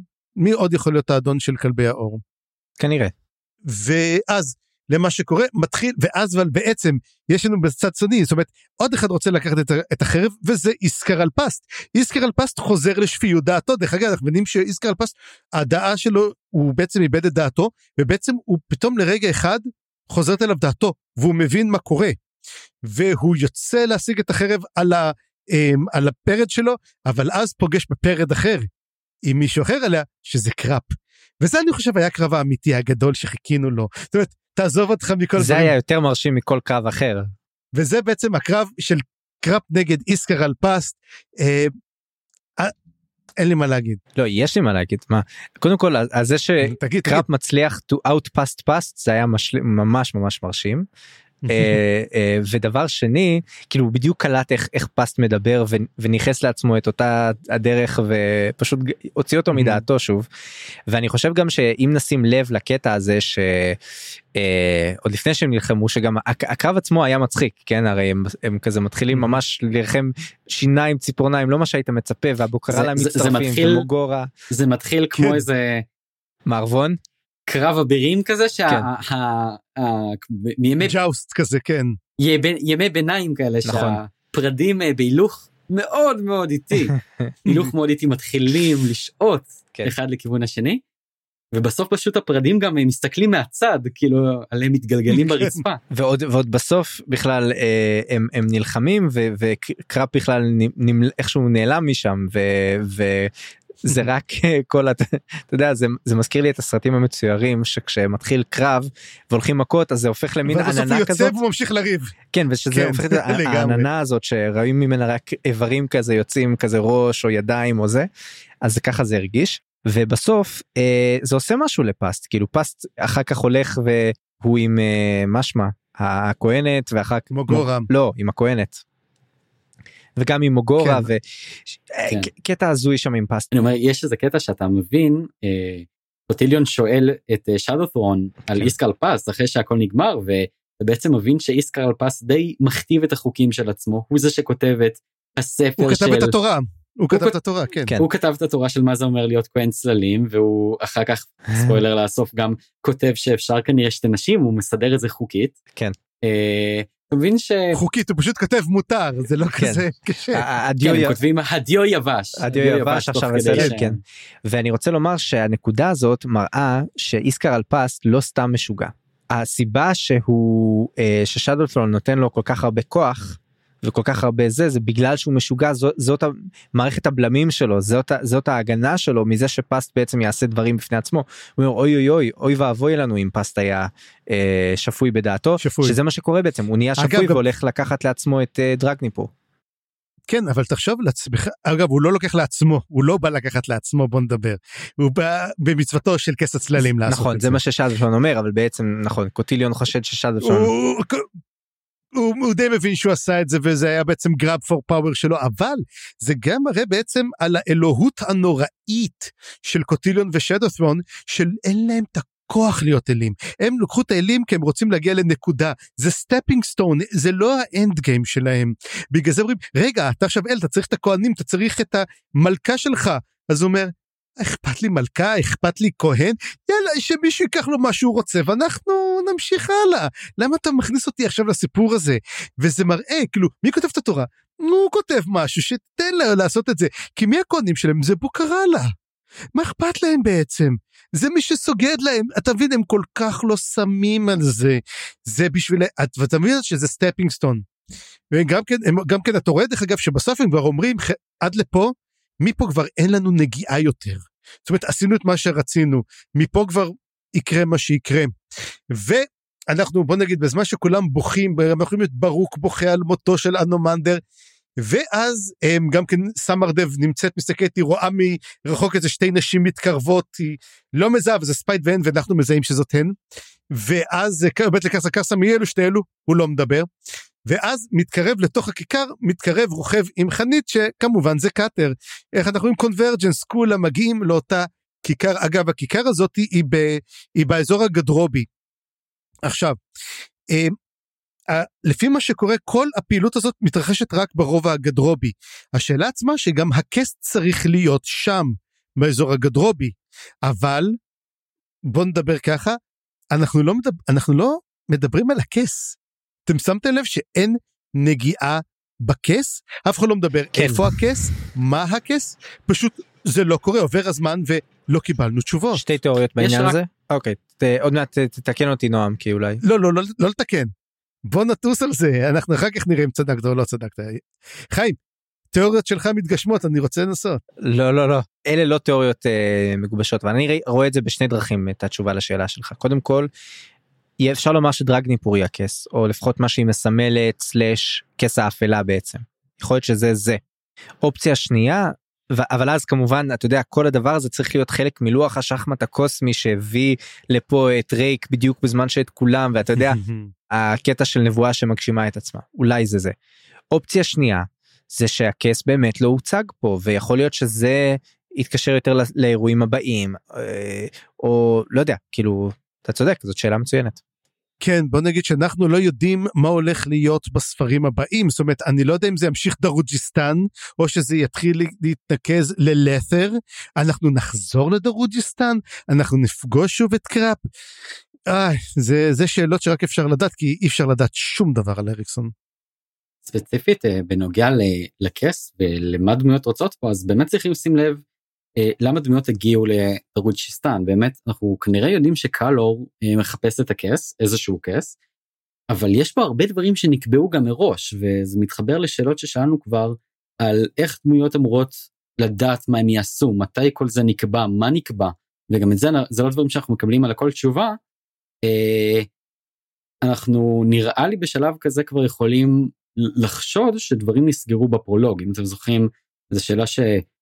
התלבטנו בה הרבה מאוד זמן אה, אה, מי היו הדמויות שנפגשו בפרולוג בתיווכו של אדג' ווקר אז כמובן היה שם את הוד היה את שדו טרון וקוטיליון והיה אם אתם זוכרים צלילים של עגלה. ואני חושב שדי ברור שאנומנדר ריק היה צריך להיות חלק מהפגישה הזאת. אה, ומשהו סוכם ביניהם והרבה מהדמויות שהגיעו כנראה ידעו כוונו על ידי אותם אנשים להגיע למקום הזה. כן אבל אנחנו לא יודעים מי הגלה אנחנו הסקנו חשבנו שזה טריגלים אנחנו הסקנו שהאיש עם השיער האפור זה פישר ש... זה אז... כנראה היה פישר. לא פישר זה רגע רגע בפרולוג יש שני סיפורים ששני פגישות mm-hmm. גורליות אני חושב שצפרי אתה מתכוון לשנייה ונועה מתכוון לאחרת. אוקיי. Okay. נכון. אני חושב שהעגלה היא בעצם באמת אה, העגלה של אה, דרגניפור. אה, די מתחבר לי במובן הזה. מה שכן לא קיבלנו תשובה לגבי הפרולוג החלק ההוא של ה... עולם המתים המוזר הזה עם הכלבים. כן, מוליכי וזה, הכלבים לא קיבלנו זה לא קיבלנו לא קיבלנו. אז זה ספציפית, זה גם, זה, זה ה setting אה, לכך שמדובר בעצם בפגישה שקורית בעולם של הוד. ספציפית הפגישה גם בין האנשים היא מביאה לנו תמטית הרבה מאוד רעיונות שחזרו. זה כן, אבל... בפרקים שלנו אנחנו רואים אה, שהעניין של כלבים שבעצם משקפים את האני האמיתי של הבעלים שלהם, הכלבים שנלחמים כשהכלבים ש... שהבעלים כאילו מחזיקים אותם ב... בשרשרת אה, משקף לנו הרבה תמות בפרקים שלנו של מי האדם האמיתי בעצם mm-hmm. מאחורי המסכה. אגב אני אתן פה אני אתן פה סתם תיאוריה אני לא יודע אם היא נכונה או לא נכונה אבל שהכרכרה שאנחנו שומעים אותה בפגישה הזאתי זאת הכרכרה עם השור. שימו לב זאת עגלת המוות גם השור אומר לעצמו למה כל הזמן אני רואה רק מוות. וזה בעצם למעשה ושימו לב שבסופו של דבר השור הזה הביא את מוריליו. הוא בסופו של דבר הוא בסופו של דבר מביא גם כן את, את אה, אנומנדה ריק לתל הקבורה שלו. וזה כמו שנכון אה, שחתולים אה, נגיד יכולים לראות לתוך עולם הרוחות או משהו זה מין טרופ כזה אז אולי אולי השור הזה יכול לראות לתוך העולם של הוד הוא כאילו הולך בעולם הזה אבל מה שהוא רואה זה העולם של הוד. מה שכן אנחנו יודעים שספציפית הם מחכים לאדם שלישי כלומר בפגישה חוץ מהוד והצמד קוטיליון ושלוטרון היה אחד שלישי. ואתה טוען שזה ריק? אני חושב אה, יחד עם הרמז של העגלה ויחד עם זה שברור שהיה פה איזשהו תכנון מראש, אה, לי די ברור שזה ריק. אוקיי, אז אנחנו באמת אה, נמשיך פה. כן.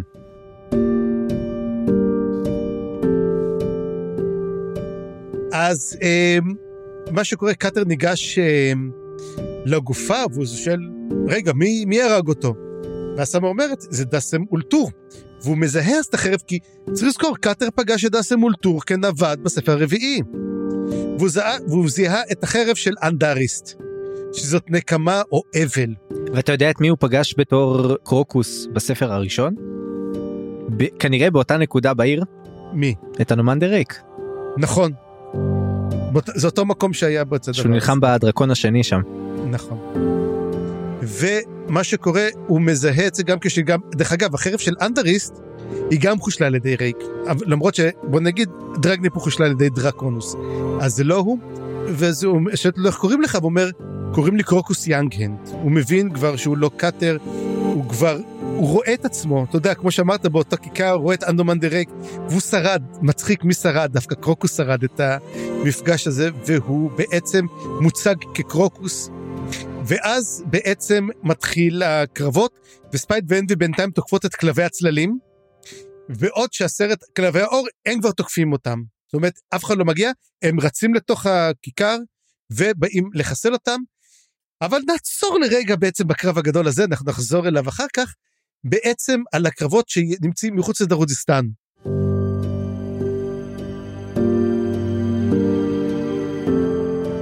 וספינוק נלחם נגד קלור, ונלחם נגדו הרבה, אבל אתה יודע, הוא לא נלחם בו, הוא נלחם בחצי כוח.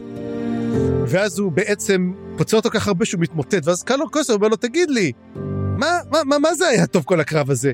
כאילו, יכולת לפגוע בי כל כך הרבה פעמים, ולא עשית את זה. מה אתה עושה את זה? ואז הוא אומר, המטרה שלי הייתה רק לעכב אותך. אני ממש לא התכוונתי לעצור אותך, אבל זהו, זה כבר נגמר. כאילו, אני הבנתי שזה כבר זה ושלום ולהתראות. ואז הוא, מה- שקורה, ספינו גם אומר לקלור, תשמע, אני מאחל לך את כל טוב בעולם. אומר, איך אומר, אני מצפה שיום אחד תמצא את עצמך. ואנחנו רואים בעצם שקלור מתחיל לחזור להיות מישהו אחר.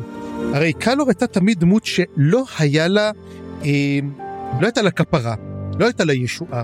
הוא אחד מהאנשים שאין להם את זה, ולאט לאט הוא מתחיל לחזור ולחשוב על כל האפסיות ועל כל מה שקורה. ו- וספינוק אומר לו, לך, לך עם התהליך הזה, תקדם אותו. אני רוצה להציע פה משהו קטן לגבי קלור, כי זה מתחבר למה שאתה אומר עכשיו, והייתה לי תחושה גם בגלל התיאור של איך שהוא נלחם והאמוק הזה שהוא נכנס אליו, וגם הדרך שבה בעצם לא היה סיכוי שספינוק אי פעם יצליח להרוג אותו, זה מאוד הזכיר לי בצורה מסוימת את uh, קיסר הכאב, ומה שקורה עם, עם החרב בספר החמישי.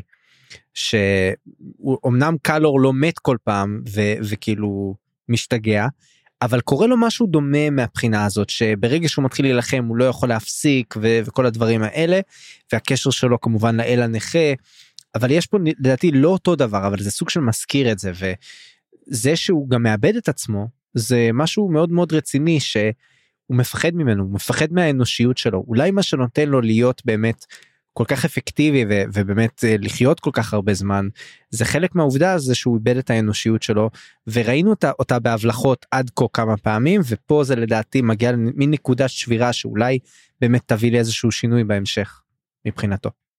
כמה נקודות לחלק הזה, אה, קודם כל יש איזשהו אה, gag שרץ הרבה בקבוצה העולמית שצוחקים שספינוק נתן fight לקלור, אבל אה, עוד מעט מיד אחר כך נראה אה, את קלור נלחם בדרקון באורפנטל, ובעוד שאחרי ספינוק הוא היה צריך שנייה להסדיר את הנשימה וגם שרד כל הלילה, אך, אה, הקרב עם אורפנטל אורך אה, הרבה הרבה פחות זמן ואחריו הוא נכנס לבר ושותה. אז אה, רק להשוות אה, בין הדברים האלה. בוא נדבר, אז אנחנו יודעים, ש... אנחנו יודעים שספינוק היה, הוא הלוחם הכי טוב שיש בעצם לטיסט אנדי, ואולי אפילו גם ראוי לשבת במקום אנומן דה ריק על הכס. זה נכון. אה, חוץ מזה, אחד מהדברים שספינוק אומר בעצם, ש... ו... וקלור מבין, וזה תמה שחוזרת בריק. אה, בפרקים האלה של העניין שמישהו עושה משהו לא בשביל עצמו, בשביל חבר, אנחנו רוצים את זה בסיר דומין, שעבור ספינוק עושה את מה שהוא עושה, נלחם בסאלין בשביל ספינוק, אה, ובעצם לא פוגע בה. גם ברייק שעושה משהו בשביל מישהו אחר, שורפי הגשרים. וקלור לא מסוגל להבין את זה. בעצם רייק הוא איזשהו אה, דוגמה אולי קיצונית, אולי איזושהי דוגמה שמשרה איזשהו זוהר על כולם ומשקפת, אבל בכל האזורים שהעלילה נוגעת בהם, אנחנו רואים עוד ועוד מעשים כאלה. אה, בעצם היציאה מעצמך אל האחר. כן, אגב, מי שעושה את זה הכי הרבה זה הג'גותים, זאת אמות המידה הג'גותיות, הרי הוד עשה את זה. הוד, הג'גותים נלחמו נגד המוות בשביל לעשות, לא למען עצמם. הם לקחו לעצמם את התפקיד של המוות אפילו אחר כך, כדי, כי הם הבינו שכנראה הם עשו משהו לא תקין בדבר הזה. אז גם כן, זאת אמות מידה, אז השאלה פה עצמה, אם אנחנו מגיעים פה בעצם לאבולוציה גזעית. האם בעצם כל פעם שגזע מתחיל להבין את הדבר הזה של, אתה יודע, אמ, אני צריך לתת את עצמי למען מישהו אחר, זאת בעצם ההתקדמות שלך. הג'גותים הגיעו לזה, הטיסטה אנדי כבר הגיעו לזה, הם גם כן מנסים לחקות אותם, והאנושות עכשיו מתחילה לגלות את זה. עובדה שקלור גם כן לא מבין את זה, הוא, הוא, לא עבר את זה, הוא עדיין מהדור האנושי הישן, שלא מבין, אנחנו רואים איך האנושות הייתה פעם. אגב, גם הטלנימאס עשו את זה. הם גם כן עשו את זה למען הגזעים אחרים, לא למען עצמם הם אומרים את זה. אבל הם לקחו את זה לקיצוניות נורא נורא לא נכונה. אנחנו גם נראה, דרך אגב, מה קרה גם לדאווד, שחושב על עצמו כזה גדול וכזה נחמד. ובאמת קלור מחליט אני אחסל אותך מהר, I'll do it quick painless, אבל אז שני דרקונים מגיעים, אחד תופס אותו, ואחת נוחת לידו, ומי שנוחתת ליד ספינוק זאת קורלט. ואיפה קורלט הייתה כל הספר? כאילו, יופי קורלט, אנחנו... הם רדפו אחרי נווד. אנחנו יודעים את זה. היא ואופנטל אה, רדפו אחרי נווד כל הזמן הזה. תשמע, זה, זה היה מאחורי הקלעים, אוקיי? אז אני, סורי שאני אומר את זה. כן, כן. ואנחנו רואים, ואורפנטל תופס אותו, והוא, מה שעושה, הוא פשוט דוקר אותו, הם מתרסקים, ופשוט הוא הולך לדרוג'יסטן, הוא כזה אומר, נה, אין לי כוח אפילו להרוג אותו, אתה יודע, עד כדי כך פשוט ממשיך הלאה. והנה הקטע המוזר באמת, ושהירח מתרסק, הוא יוצר אורות, אתה יודע, יש את ההשתקפות של האורות, והאורות מאירים את קורל, וקורל מאבדת את האפלה שלה. אז זה היה קטע מאוד מאוד מוזר שהייתה, ורייק אמר לו, התפקיד שלך הוא רק לעשות דבר אחד, זה לעצור את האור, כמו שבעצם הוא עצר את המים, שמונספון הייתה מתחת למים, והוא עצר מהמים מלהיכנס פנימה, הוא אומר לו את אותו דבר, תעצור את האור מלהיכנס לקורל. ואז פה בעצם השאלה, האם המהלך הזה של הירח, הוא לא נעשה בשיתוף פעולה איתו, כי הוא לא היה רוצה שזה יקרה, או שזה משהו שחובה היה לקרות על מנת שזה יקרה. והתפקיד שלו בעצם של אנדרסטיל לעצור אותו. בבלק קורל היה גם את הקטע של הגשם של הכלא. נכון. שזה קרה בו זמנית. ואני לא בטוח לא לא בטוח שהיה צריך שהאור יעבור כדי שהקלק זה וצריך לזכור גם שכל דבר הזה קורה תוך כדי שריק בעצם אה, מובס כן. אז השאלה האם הדבר הזה קורה בגלל ריק או בגלל הירח בדיוק. ואני אני לא חושב נראה לי שזה שהירח כל הדבר הזה קרה בבת אחת זה מאוד יפה ו- וסימבולי וכאילו נסגר הרמטית אבל זה לא הסיבה אני חושב. טוב, זה, אתה יודע מה, יש הרבה דברים שאני אומר לעצמי, אוקיי, לנשום לספר הבא. כ- אתה יודע משהו? אני כן בטוח שאריקסון בסוף כן יסביר את זה, אמ, אבל יש, אתה יודע מה, אני נותן לו המון המון לטיטיוד, אני נותן לו המון, אתה יודע מה? אוקיי, אני קולט, בסדר, אנחנו נעבור את זה הלאה. ובעצם אנחנו רואים גם כן את הכהנת האפלה, גם כן רואה את, אמ, את אנדס מותקף על ידי האור, והיא מגנה עליו, ואז אנחנו מבינים בעצם שגם כן האל הגוסס רוצה את הכס האפלה. שזה בעצם הייתה אה, מה שהוא רוצה ומה שמעשה אנדרסלן מגן על עצמו. ו... קליפ אמר את זה כבר כאילו אני כן. חושב שזה כבר היה ברור שזה מה שהוא רוצה. הוא רצה את, את המושיע כן אבל הוא אמר שגם אה, רייק וגם הכוח שלו זה משהו שהוא רוצה ואולי זה כן כי מה שהוא רוצה בעצם זה להשתמש במושיע כדי להשיג אלוהות ואז לשבת על הכס זה בעצם הדרכים שהוא מתכוון לעשות את זה. נגיד זה שהוא יוכל לאחד תחתיו את שני הדברים האלה זה יהיה מאוד חזק נגיד. כן ואז הטיסטנדים באמת מרגישים כולם מרגישים בעצם את מותו של רייק והגשם מתחיל לרדת הגשם של הקאליק. ובוא קח אותנו חיים באמת uh, להמשך ובוא לפי מה שאני רואה כבר הפרק ממש מתחיל להתארך אז לפני שאנחנו מרדימים את כולם um, עוד נמליץ להם לעשות עוד כמה סיבובים או לחכות למטה לפני שהם עולים למעלה לדירה קח אותנו הלאה. כן. אז יש לנו אה, את הקרב בתוך דרגניפור שהיה מאוד מעניין. קורה במקביל לכל הדברים האחרים אבל בוא נתייחס אליו רגע בנפרד. כי כוחות הכאוס הרי התקרבו ואז היה לנו בעצם את הוד שהגיע עם התגבורת שלו ועכשיו הקרבות עצמם הם די התחילו מאחורי הקלעים. כאילו אנחנו נכנסים כבר לעיצומו של הקרב ושם רואים שכוחות הוד הם לא אחידים.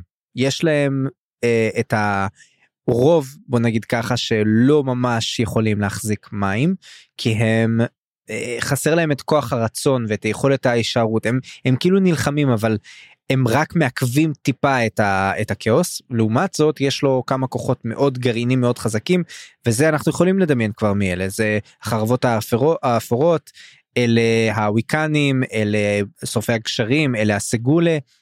נראה לי שאמרתי את כל החשובים אבל יכול להיות שיש עוד. כן אגב היה קטע מגניב שאני שמתי אומר אומר הנה מגיעים הוויקנים בראשות בולט.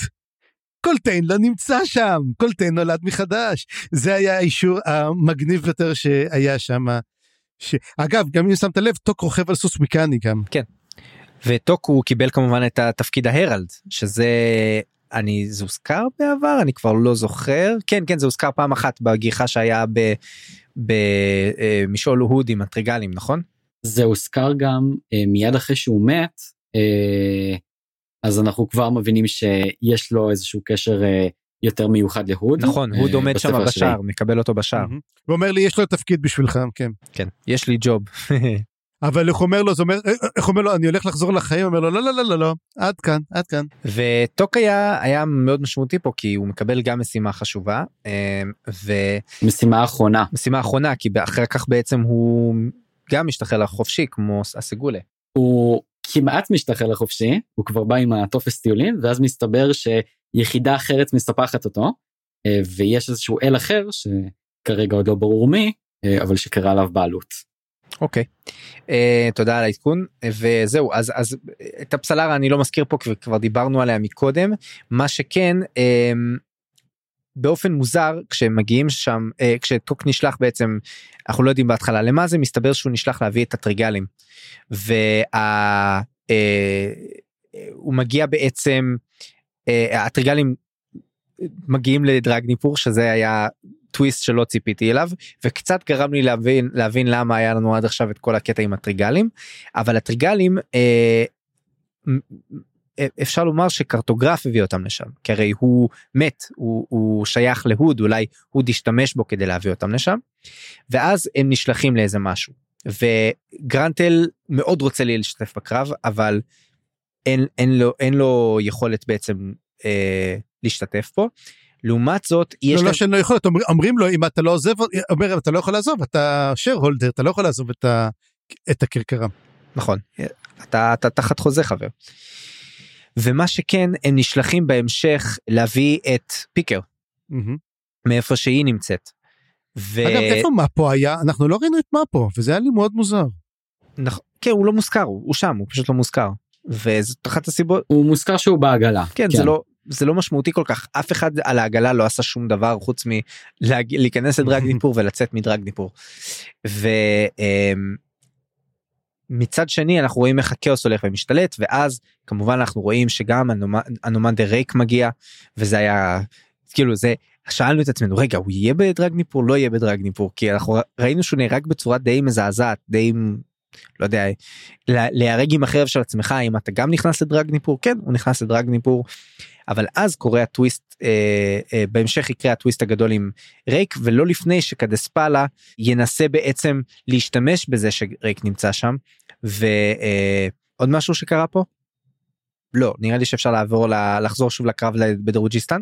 אה, לא אחרי שזה קורה אחרי לא אחרי שזה קורה הדבר הזה אחרי שהטריגלים עוזבים אז בעצם הוד אומר לו אתה יכול איך זה יש לך את המשימה ואז אתה יכול לחפש את סקינר כאילו יש לי עוד משימה אחת קטנה ואז נכון, כאילו זה לה... טווי, ואז בדיוק זה מגיע לתוך דרוג'יסטן שהוא מגיע לדרוג'יסטן עצמה. נכון אז הסגולי השני באמת מגיע לדרוג'יסטן ומצטרף לקלחת הזאת ש... אה, מסביב לחרב בכלל הקונברג'נס הכי קונברג'נסי נראה לי שהיה לנו עד כה כאילו כולם מגיעים לחרב הזאת. זהו והוא לוקח תחנית מקרוקוס והם מתחילים שם להילחם אה, הורגים את הכלבים שמע אה, קרסה והסגולה וקרוקוס ששולף סכינים אבל אז אה, ברטול מגיע עומד אחד מול אחד מול כלב ולא הורג אותו אבל כן מצליח לעמוד מולו שזה גם מרשים מאוד. יש שם אה, טולן שורן שמגיע ומתחיל להילחם בכלבים שזה הדרקון העל מת הזה שכבר ראינו אותו. וסמרדב כשהיא מותקפת על ידי כלב או אז הדוב הזה שראינו אותו מקודם מגן עליה הסמרדוב וזהו שני ש... מתוך כל הכלבים שניים מצליחים להגיע לגופה של ריק אבל אז מגיעות הבנות של קרסה ומצליחות להעיף אותו משם וזה קורה בדיוק אחרי שקרסה עושה קריאת קרב טבלורית כזאת עתיקה ומסורתית כן. וזה זה היה כאילו כל כך קלאסי.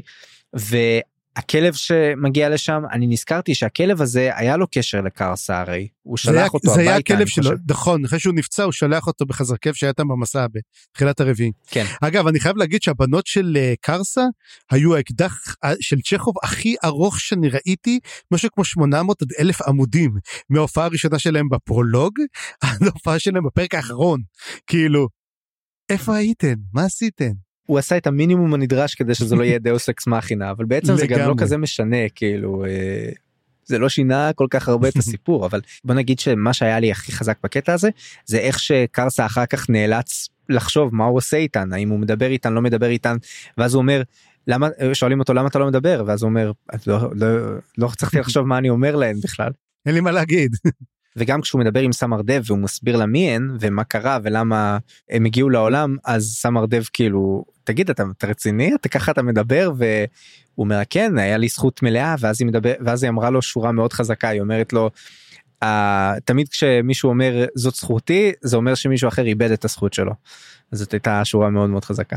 בכל מקרה אני מאוד אהבתי את הקטע הזה את הקרב את הקונברג'נסיות של הקטע הזה ואתה יודע לא יודע הכלבי כלבי האור כנראה למרות שכתוב שהם באותו הכוח של כלבי צללים כל הכלבי האור מתו אף אחד מכלבי הצללים לא מת למרות שהם עמדו רק מול ספייט ואנבי אבל ספייט ואנבי זה חתיכת דבר.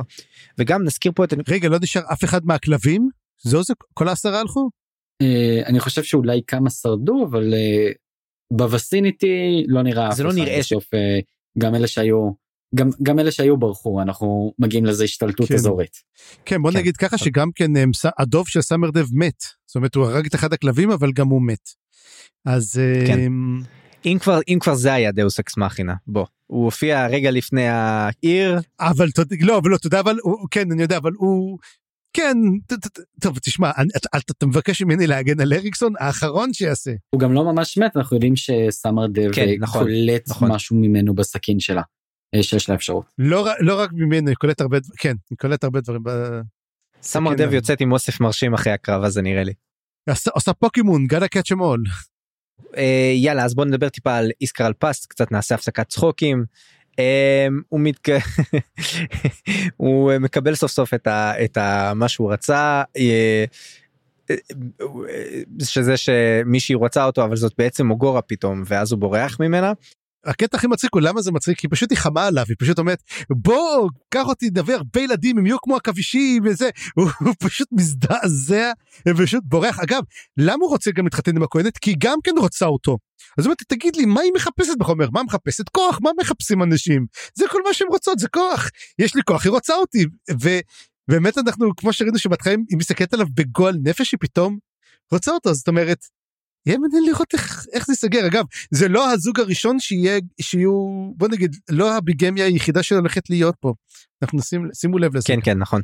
היה את הקטע של פיקר שהכרכרה של טריגלים הגיעה אז והיא מזהה את טוק וטוק אומר לה אומר שיש לו הודעה והוא מעביר לה את ההודעה מהוד ובהמשך אנחנו מבינים שהוא צריכה למצוא את טובלקאי אבל גם הוא מזכיר לה את העניין של הטורקס שהיו לה. עכשיו הטורקס שלה זה לא היה עניין של טריץ' אני סליחה שאני שואל כן כן לא נכון הוא אומר לה תמצאי את כל אלי המוות ותגידי להם שימצאו את הטובלקאי שיוביל אותם למלחמה. עכשיו אנחנו רואים שכל אלי הקרב מתאספים אז זאת אומרת אם למשל גרנטל יהיה למשל האביר היא יכולה להיות משהו אחר של המלחמה.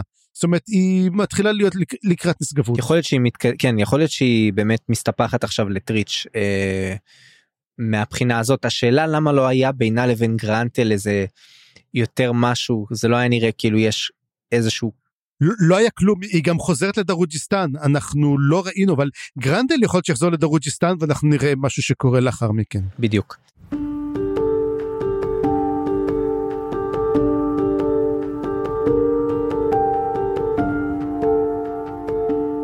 טוב, ובוא נדבר על אה, גורלם של אטיסטי אנדי. שם יש את באמת המשך של מה שקרה עם מונקרט וספינדל שבאמת הצילו את הילדים כמו שהם אמרו ושם אני חייב לומר לדעתי זאת הייתה אחת הנקודות הכי מרגשות שהיו בפרק אה, לפחות לי זה לא יודע משום מה זה הציף בי המון רגשות בשינוי שעובר על מונקרט שם ואיך שהוא פתאום מבין שכן יש לו משהו לעשות וזה מסתבר כאילו. אה, הוא מבין שהושיעו אותו, הוא מבין שיש לו פתאום חיים חדשים ושזה בזכות אה, ספינדל. תשמע, מה שהוא אומר פה, שהישועה, כמו שאנחנו מדברים תמיד, הרי כולם מחפשים את הישועה והלכו למושיע וחיפשו אצלו את הישועה, ובסופו של דבר, מה שהם גילו זה שישועה נמצאת באידיאלים שאתה לוקח לעצמך, ישועה מגיעה מתוכך ולא משום שום אל אחר. זאת אומרת, אתה יכול ללכת לאלים, וזה מה שאנחנו דיברנו עליו עוד מתחילת העונה בכלל. שמענו על המושיע, ואמרתי, מה, מה עוזר לך מושיע? מה, אתה מגיע לך בכל חתיכת נסלחים? וזה קצת מין, איך אני אגיד, קריצה אולי אפילו אנטי נוצרית שאומרת, אתה מחפש את הישועה, תגיד שלושה הל מריז ואתה תרגיש טוב עם עצמך, זה לא. הישועה שלך נמדדת במעשים שלך. והוא ככה שדאג לחיים ודאג לאדם אחר, כמו שאמרתי, האבולוציה של המוסר מתחילה. אמ, ופה הוא מתחיל להרגיש באמת חייל, והוא מתחיל להבין באמת למה דסה מול טור, כי דסה מול טור, הוא מביא להם את זה, הוא ניסה דרך המלאזנים להשפיע בכל העולם, זאת אומרת, זה מצחיק, האנושות הרי היא לוחמת, היא תוקפת, היא הורגת, אז, בזמן, אז איך הדרך שלך להפיץ את הטוב? בכוח. וזאת הדרך של האימפריה המלאזנית. הרי איך היא נראית? מפלצת שתופסת את הכדור. Mm-hmm. זה המלאזנית.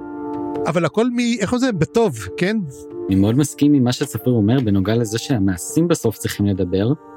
ויש קטע מאוד יפה שמונקרט אומר לספינדל, בעצם הם מבינים את האפטרמאס של מה שקרה, והוא אומר לו, אתה בעצם עזרת לי יותר ממה שכל כהן היה אמור לעשות. בעצם התפקיד של כהן הוא לתת לך בעיטה בטוסיק כדי שתעשה את המעשה הנכון. בסוף זה לא מסתכם באיזשהו שינוי שלא נראה בשטח, כי אם במשהו שאותו אחד שרוצה את הגאולה או את המחילה, אה, בשינוי מעשי כן. אה, שהוא מכיל בעולם, וזה בדיוק מה שספינדל כחבר אה, גורם לו לעשות. בסוף ההצלה שלהם את הילדים, זה זה המעשה שגואל אותם באיזושהי צורה. כן, ו- ואז יש לנו בעצם את הקטע הזה שקורה בתוך uh, מקדש האפלה שקליפ מגיע לשם סוף סוף ואני חושב שזה היה קטע מאוד חזק כי שם מתחיל בעצם ה stand off שלו מול אנדסט סילן ואולי סוגר את הנקודה הזאת שמתחילה דווקא אצל ספינוק של מה רייק דורש לעומת מה רייק מציע בעצם. ואנדסט סילן uh, למרות שקליפ מצפה לראות את רייק והוא לא מקבל את רייק אז קליפ היה לו מין קטע סמיגול כזה קטע של אה, דואליות שרגע אחד הוא, הוא קליפ ורגע אחד הוא האל הגוסס אבל כשקליפ הוא קליפ הוא רוצה את העימות עם רייק והוא לא מקבל אותו. זה מעיף אותו חזרה לתוך אה, תהומות הלא יודע התת מודע ובמקום זה יוצא לנו האל הגוסס שרוצה אה, אה, להשמיד בעצם ולהשתלט אולי על כס האפלה ואז יש בעצם לאנדסט את הנקודה שבה הוא התבקש על ידי ריק את הבלתי אפשרי וזה לעמוד בפני הכוח הדבר הזה ומה שאנחנו נגלה זה שאנדסט דווקא מצליח לעמוד בזה. ולמרות שזה גובה ממנו מחירים מאוד כבדים והוא אה, כמעט נשבר וכל הזמן הזה רואה אותו מהצד הכהנת הכהנת הגדולה וממש מתפלט על איך הוא מצליח. אבל תוך כדי זה אנחנו צריכים להיזכר שיש עדיין קורה הקרב עם איטקוביאן וסירדומין נגד סלינד. והאלה הגוסס מרגיש את זה כאילו הוא פועל בכמה מישורים בו זמנית ונראה בשלב הזה שהוא הולך לנצח אבל דווקא זה לא זה לא הולך לעבוד בדיוק לפי מה שהוא חושב. אה, כי באותו זמן סירדומין אמנם נחנק על ידי סלינד שהיא ממש הגיעה עד אליו ומתחילה לחנוק אותו ואנדסט הולך להישבר אבל אבל דווקא הם יצליחו להחזיק מעמד. ונעבור רגע לקפיצה קטנה לתוך דרגניפור. כי העולם כופה אה, ורייק עומד על ערימת גופות ואלה כל הגופות המקועקעות של קדספלה וקדספלה עושה את הביג פליי שהוא תכנן כל כל הזמן הזה. והוא לא מצליח הדבר הזה שקם האל הרגעי כמו שצפריר קרא אה, בערך אמרת אה, יש לו מס, יש לו משימה אחת והמשימה הזאת היא להרוג את רייק אבל הוא לא עושה את זה. והפסלרה ש, שקיבלה אז את המשימה להוציא לו את העין מוציאה את העין של דיץ' וזאת העין שאמורה להר... להראות לאל איפה לתקוף והוא לא מצליח בגלל זה לתקוף אותו. בקיצור זה היה קטע קצת מעניין ריק באותו שלב מחייך לאפסלרה ונותן לה בעצם רשות לעזוב זה לא כל כך משנה אנחנו נראה כי בכל מקרה כנראה מי שבחרב הולך להשתחרר אבל אפסלרה גם מקבלת נקודה ש, של כוח שהיא אומרת זה שהיא נשרפו לה הידיים כשהיא ניסתה בעצם לזה וזה לא הרג אותה זאת הייתה מבחינתה אה, סוג של נקודת עוצמה מאוד חזקה. ובאותו זמן רייק עושה את הפליי הגדול שלו לפני הפליי הגדול של רייק תגידו לי מה חשבתם על הקטע הזה. ספציפית אני רק אגיד על דיץ' שאנחנו רואים אותו כבר אה, גם, גם הוא הופיע בפרולוג ובפרולוג אנחנו רואים את המערכת יחסים אה, לא ממש מערכת יחסים אבל את הרלציה שלו עם אה, פרל השד שהוא כבר מתחיל לראות מה זה אומר לעשות דברים בשביל אחרים. בעצם השד שכבר אז מתחיל מעצמו להקריב ולהעמיס על עצמו כל מיני אנשים שנכלאו ושלא יכולים כבר להמשיך ולסחוב את העגלה. וברגע האחרון זה היה משמעותי כי זה הוביל איזשהו היסוס. הוא הבין אה, האל בעצם האל עם העין אחת הבין גם לאורך כל אה, אה, מה שהוביל ליצירה שלו וגם מה שהוא עכשיו רואה שרק עומד לעשות אה, את האפשרות בלעשות משהו עבור מישהו שהוא לא אתה. אה, וזה גם נקודה מאוד חשובה. קצת מה שקלו ראה. בדיוק. קצת אה, כאילו מין נקודה דומה כזאת זה חוזר. וכן נדבר על הפליי הגדול של רייק ואני לא ציפיתי לזה אני חייב לומר זה היה די מפתיע אבל ציפיתי משהו דומה כי הרי הייתה לנו תחושה שאולי רייק לא ישרוד אבל חשבנו אולי זה שהוא הפסיד ונכנס לחרב זה זה אבל לא. רייק מנצל את זה שהוא בתוך החרב ובעצם עושה את המהלך שאם זה היה אפשרות לעשות אותה עד כה כנראה זאת באמת הייתה אפשרות שהיא less ditch effort כי באמת שזה גבה ממנו הכל. ובשביל להגיע לשם אולי היו צריכים לקרות דברים אבל מה שהוא קורה זה בעצם הוא מצליח לעשות ריברס ל, ל, הוא קורא לאם האפלה הוא מצליח להביא אותה חזרה ולאחות את הקשר בינה לבין הטיסטה אנדי ואולי אה, זה, היה פה מין מהלך כזה של קצת חזרה בתשובה לא יודע כזה מין כפרה מול האל אבל גם היה פה מין מהלך של יחסים של אב של אם ובנה ש, שנקראו ונקטעו. זה לא דברים שקל לעשות אותם אבל ברגע שהם קורים זה כאילו למה לא עשינו את זה קודם? למה לא היה פה כבר למה אי אפשר היה ל- לעשות את זה כבר לפני כן? וזאת ש- תשובה שאני חושב שקיבלנו אליה כל מיני רמיזות לא קיבלנו תשובה ישירה. אבל היה ברור שרייק תכנן את זה כבר הרבה זמן. כמו שהזכרת כבר נועם אולי כבר מהאפילוג מהשיחה הזאת היה ברור לו שזה הולך להיות המהלך שמה שיקרה וכמו שאנחנו רואים גם אחר כך מאנדסט רייק נותן פה את הכל וזה גם היה לדעתי החלק השני אה, שממש תפס אותי מבחינה רגשית אני חושב שכשכולם מגיבים לקורבן הגדול של רייק ולמה שהוא הצליח לעשות זה באמת היה קטע וואו קטע ענק.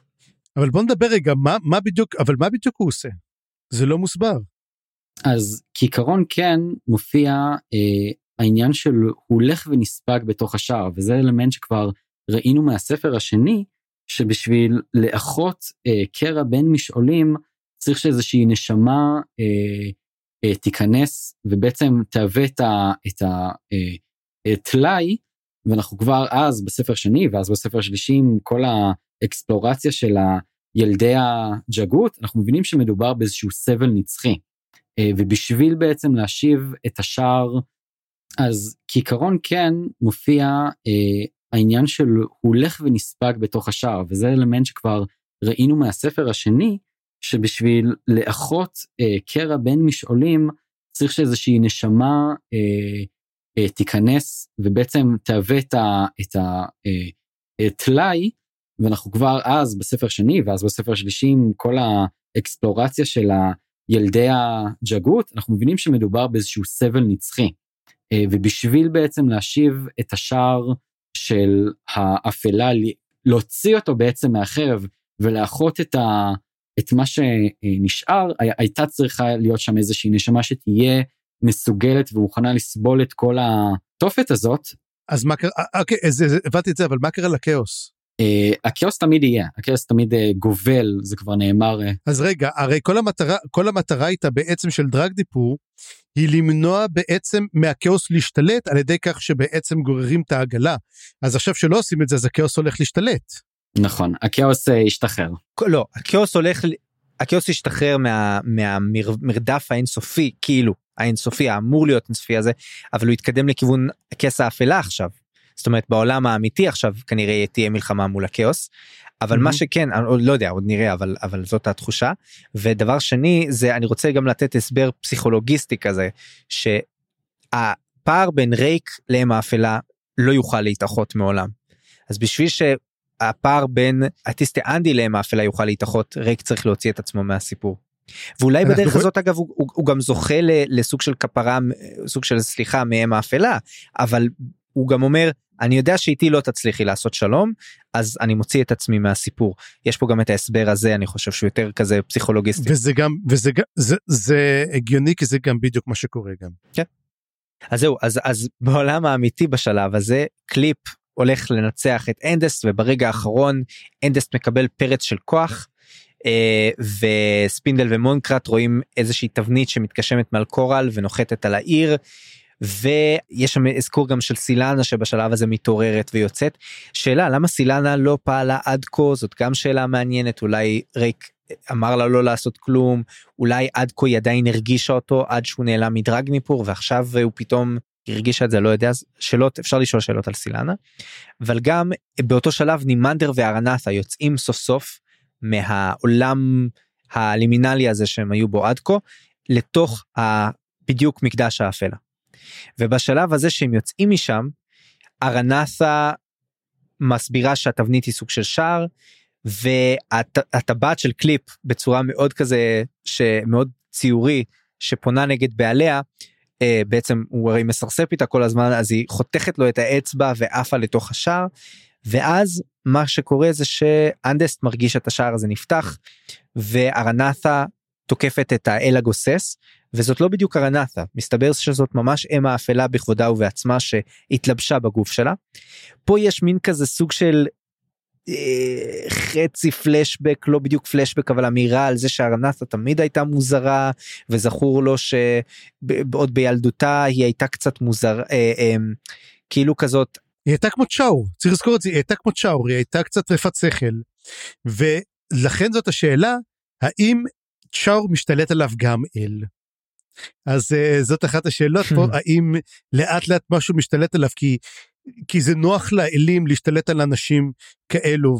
Um, אז זה כן, כן זה מצחיק אני... שבדיוק באמצע שנימנדר בא ותוקף את קליפ היא יוצאת ותוקפת את האל הנכה הם יוצאים כאילו ביחד ותוקפים כאילו גם במישור הרוחני וגם במישור הפיזי. כן וגם אני חייב לומר על אנדסט פה מילה כי אנדסט נכון היה לו את הגיחה הזאת לנהר ואת mm-hmm. את הזיכרונות שלו ואת כל הדבר הזה בנהר הוא מצא את הכוח אה, אה, בעצם לעמוד ב, בדבר הזה וזאת הייתה נקודה מאוד חזקה ומאוד יפה איך היה פה הסבר כאילו חוץ גופי דאוס אקס מכינה כזה של, ה, של הזה אבל גם היה פה הסבר מאוד יפה שאנדסט סילן מוצא בתוכו את הכוחות בזיכרונות שלו בנקודות אור בחייו וגם בנקודות הקשר אה, שלו עם, עם אחרים ובמיוחד הקשר עם רייק שדורש ממנו את הבלתי אפשרי בזכות זה שרייק בעצמו ד... תמיד נותן מעצמו את הבלתי אפשרי וזאת הייתה הקטע זה היה קטע מאוד יפה. ספציפית בקטע של הנער אנחנו יודעים שזה כבר אלמנט שנשזר אה, בסיפור האנדי אה, גם לפני הרבה מאוד שנים אבל מבחינת קריאה כבר בספר השלישי אנחנו רואים שהנער הוא איזשהו אלמנט משמעותי בשיחה בין וויסקי ג'ק ל- לרייק שמדברים ביניהם ואנחנו מבינים כבר שרייק הקול של הנער רק הוא מאוד משמעותי עבורו גם בספר הזה אז באמת יש את האלמנט הזה מההיסטוריה שחיים הצביע עליו גם ה... רגע שבו סילן מבין מאם האפלה שנסלח להם, אז uh, יש את המילים המאוד יפות של uh, The water is clear between us, שאנחנו כבר רואים שזה רפרנס לאפיגרף של הפרולוג, שאנחנו בעצם יש איזושהי אמרה טיסט אנדית של על מנת שהמים בעצם יזדככו ויהיו נקיים וטהורים שוב יש איזשהו מסע שצריך לעשות ואנחנו בעצם סוגרים פה מעגל כבר מהאפיגרף של אפולו. יפה מאוד.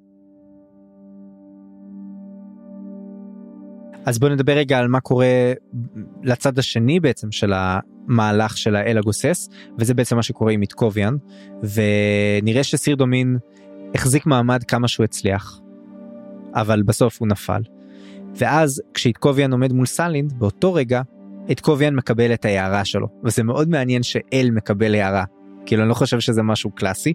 והוא נותן לה הוא מחבק אותה מקרב אותה אליו והוא בעצם אה, מברך אותה והוא מבין בשלב הזה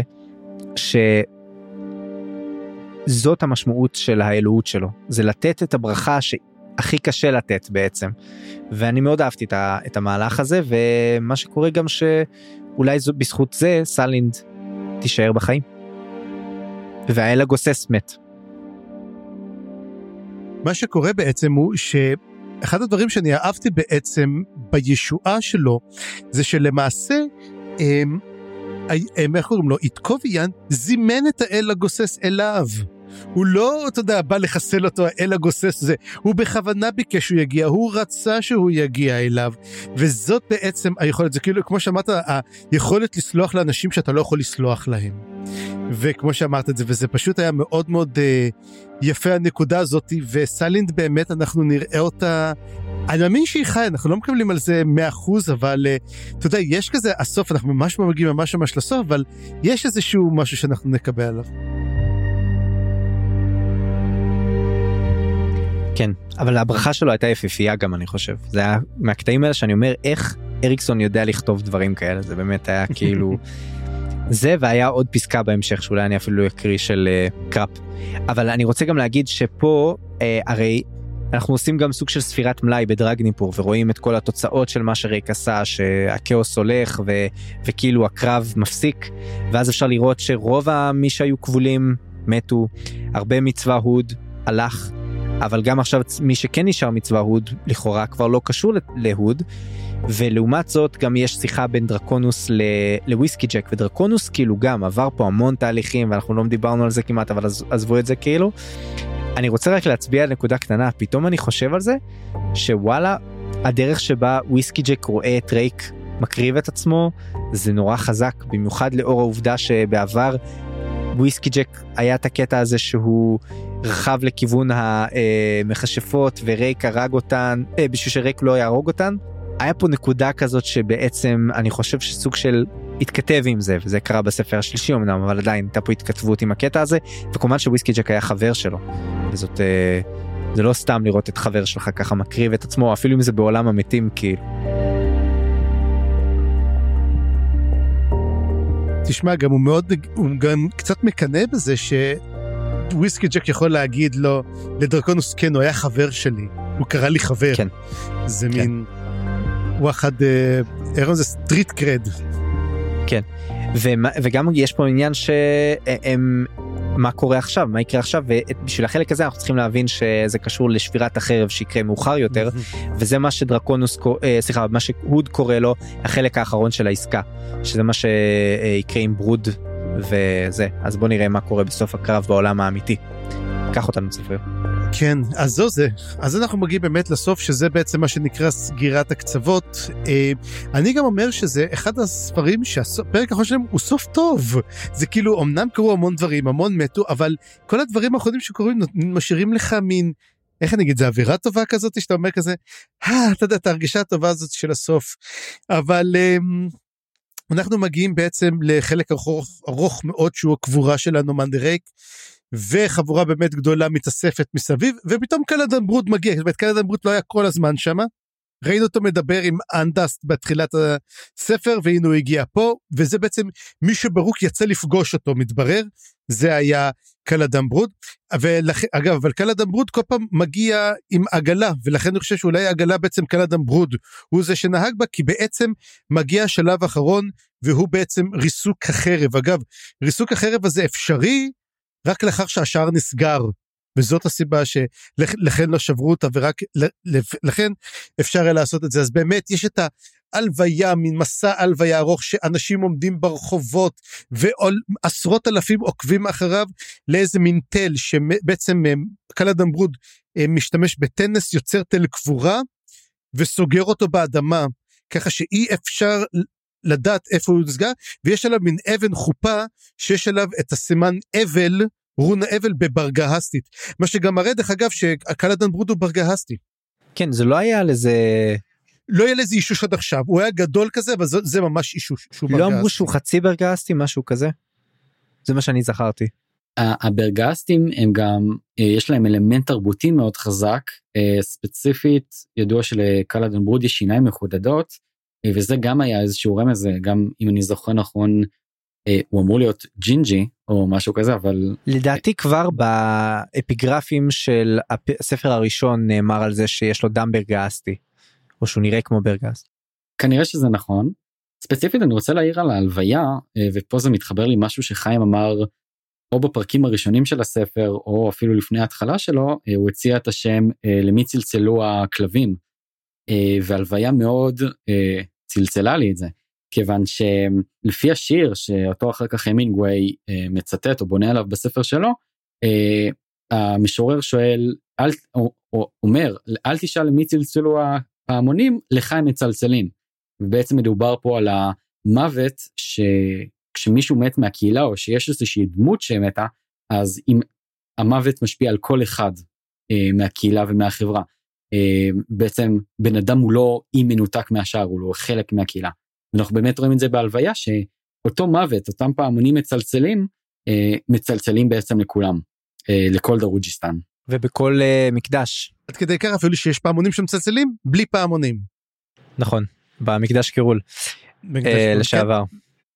ובאמת אה, ספינוק אה, בוא נגיד שהוא רופה על ידי אה, קורלט והוא עוזב את העיר ובינתיים אנחנו רואים גם את קלור יושב פשוט בבר יושב לבדו בזמן שאין כמעט אנשים שם הוא יושב לבד עם ביר ופשוט מאזין אה, לפעמונים. ובקרולים דיברנו גם כן בלנד נכנס לפנימה ורואה שם את דייקר שם דייקר דרך אגב ממש אגב דייקר אנחנו נצטרך להבין מה קורה איתו כי הסיפור שלו לא נפתר פה לגמרי לא נפתר. ואומר לה מה קורה? ובאמת לא אה אומר פיקר דרך אגב בדיוק הלכה. אומרת לו מה זאת אומרת היא בדיוק עזבה. כאילו הייתה משתקת בקומה בדיוק עזבה? אז הוא אומר תשמעי זה היה משהו שקשור לצמידים שלה ואז הם שומעים את הפעמונים ואז הוא אומרת לו תגיד לי מי נמצא שם? סילר עלתה למעלה לצלצל אומר סילר למעלה. אומר מה הלכה לצלצל פעמונים?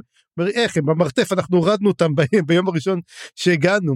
ואנחנו באמת גם נגיע לסוף ונבין מה גם סילרה עושה שם וסאמר דב מגלה שהטבלוריות הם בעצם הבנות של קרסה. וזה בדיוק חיים באמת שאתה אמרת באמת שהן אומרות והוא אומר לה תשמעי יכולתי לאנוס אותה זו הייתה הזכות שלי. אבל אז מתברר שפיקר בא אליו היא כן תופסת את הטבלו אני חשבתי שעברו עוד איזה שלושה ספרים עד שהיא תמצא אותה ולא באמת זה קורה פה ממש אחרי ואומרת לו אסור לך לעזוב את העיר או שתאבד את ההזדמנות היחידה שיש לך לקיים את השבועה שלך וזה להרוג אל. ואז הוא בא ואומר לה, you know how little it makes it, אתה מכיר את המים הזה? שבא כן. בטמן אומר לו, אתה רק את זה, אתה יודע כמה מעט זה מוריד את האפשרויות? כאילו, אין לזה אל בדיוק מדברת, אל נכה, אל כזה, אני האמנתי על כל כך הרבה אלים, כמה פעמים אמרתי להם, I swear this, אז זה מעניין, על מי אתם חושבים? אני חושב שזה האל הנכה, נכון? זאת המחשבה שלי. כן, ו... כן, כן, ברור, ברור, ברור, ברור. ו... כן. ונועם מנוע מלדבר, אז uh, אנחנו נשאיר אותו כאן בשלב הזה.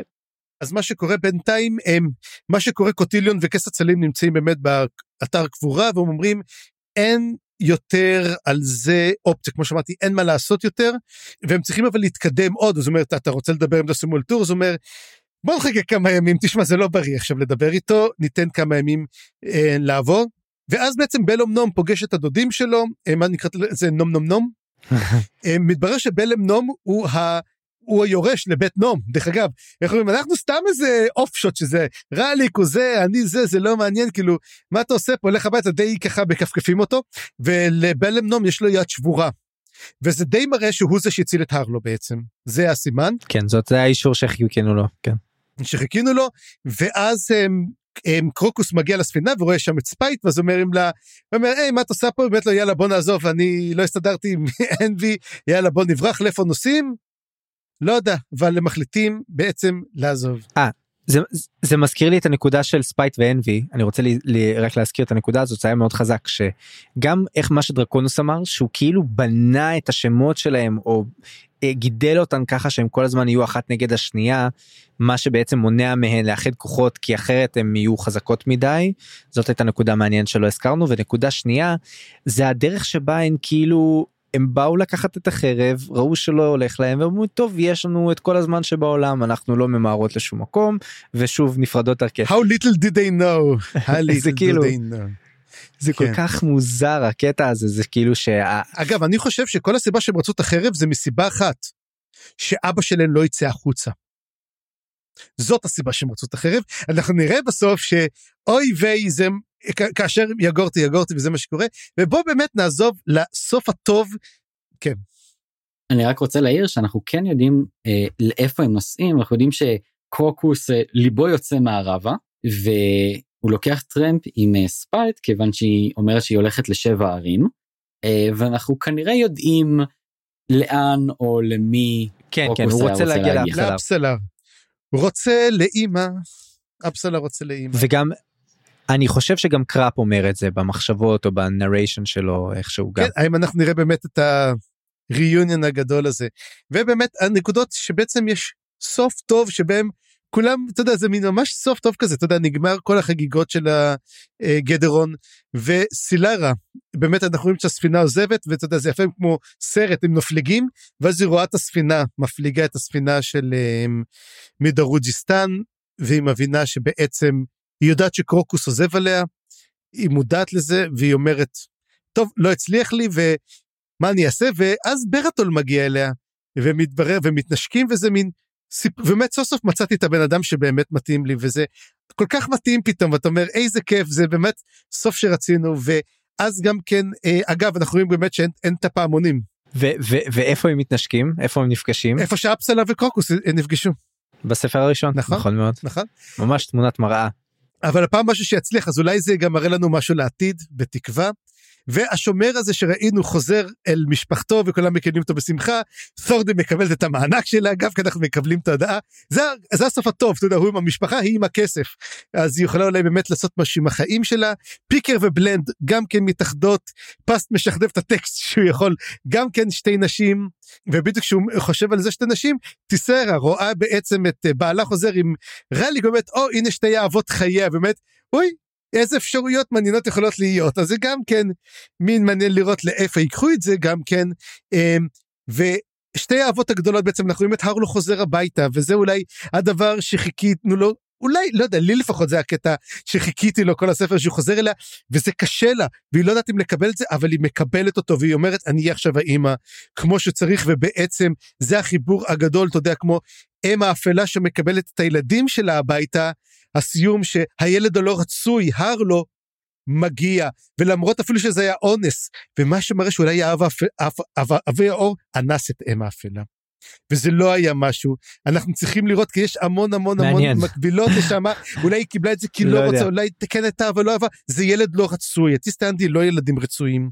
וההרלו מגיע אליו והיא מקבלת אותו, ושים לב שהוא גם נותנת לה שני ילדים גם כן, טיסטה, שיכולים להיות גם הטיסטה דור והטיסטה ליוסן. וואו תשמע עד עד האלגוריה שלך אהבתי מאוד וגם אני רוצה לומר זאת אחת אחד הארקים שהם פנים ספריים הם לא הם לא נכון. מרפררים לשום ספר אחר והם, וזה פשוט יפה מאוד איך, איך אה, המהלך של הרלו חזרה הביתה וכל מה שקרה לו בדרך ומאוד מאוד אהבתי את הקטע הזה ואני גם אגב, אם, אם תשים לב גם כן, הקרב של הרלו, כל מה שקורה לו זה גם החיים של הטיסטה אנדי.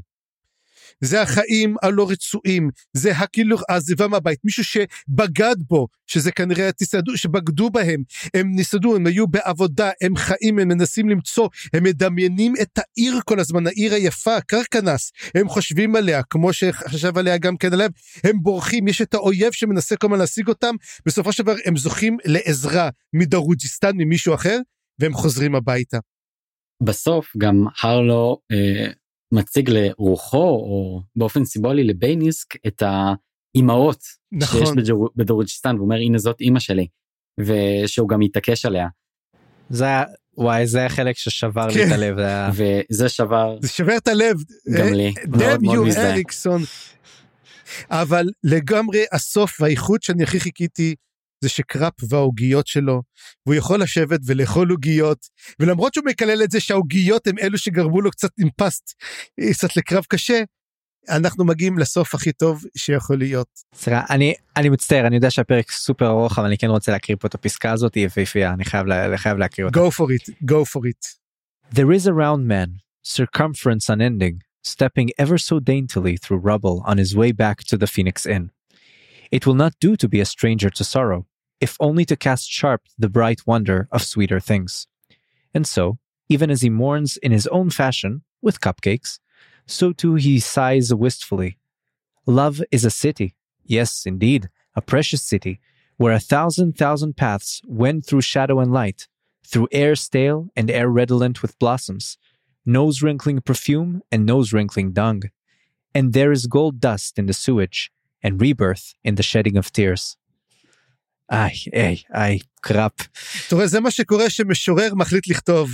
שמע, זה לא, באמת, הקטעים פה של קראפ בספר הזה היו מדהימים.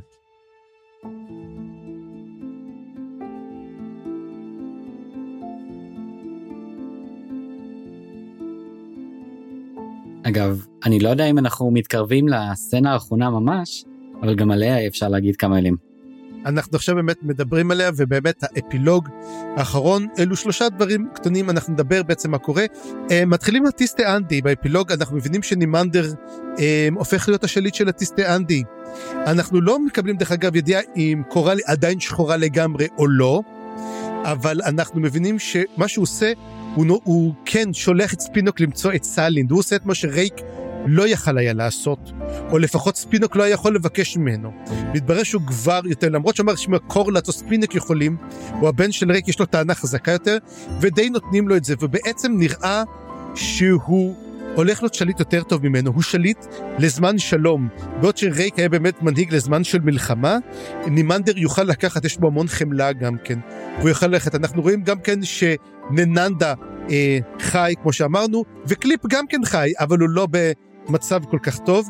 אה, ארנסה לא שרדה, בעצם זאת לא הייתה תמיד כל כך שר... אה, ארנסה, אה, סילנה נעלמה, וסירדומין הוא זוכה לקבר בדיוק לרגלי המושיע, מי שהגן עליו בסוף. והטיסטה אנדי נמצאים לקראת התחדשות, זאת אומרת, האם אפלה קיבלה אותם בחזרה, מה זה אומר לגבי איך שהם יהיו עכשיו, איך שהם יגיבו, יהיה ממש ממש מעניין לראות את זה.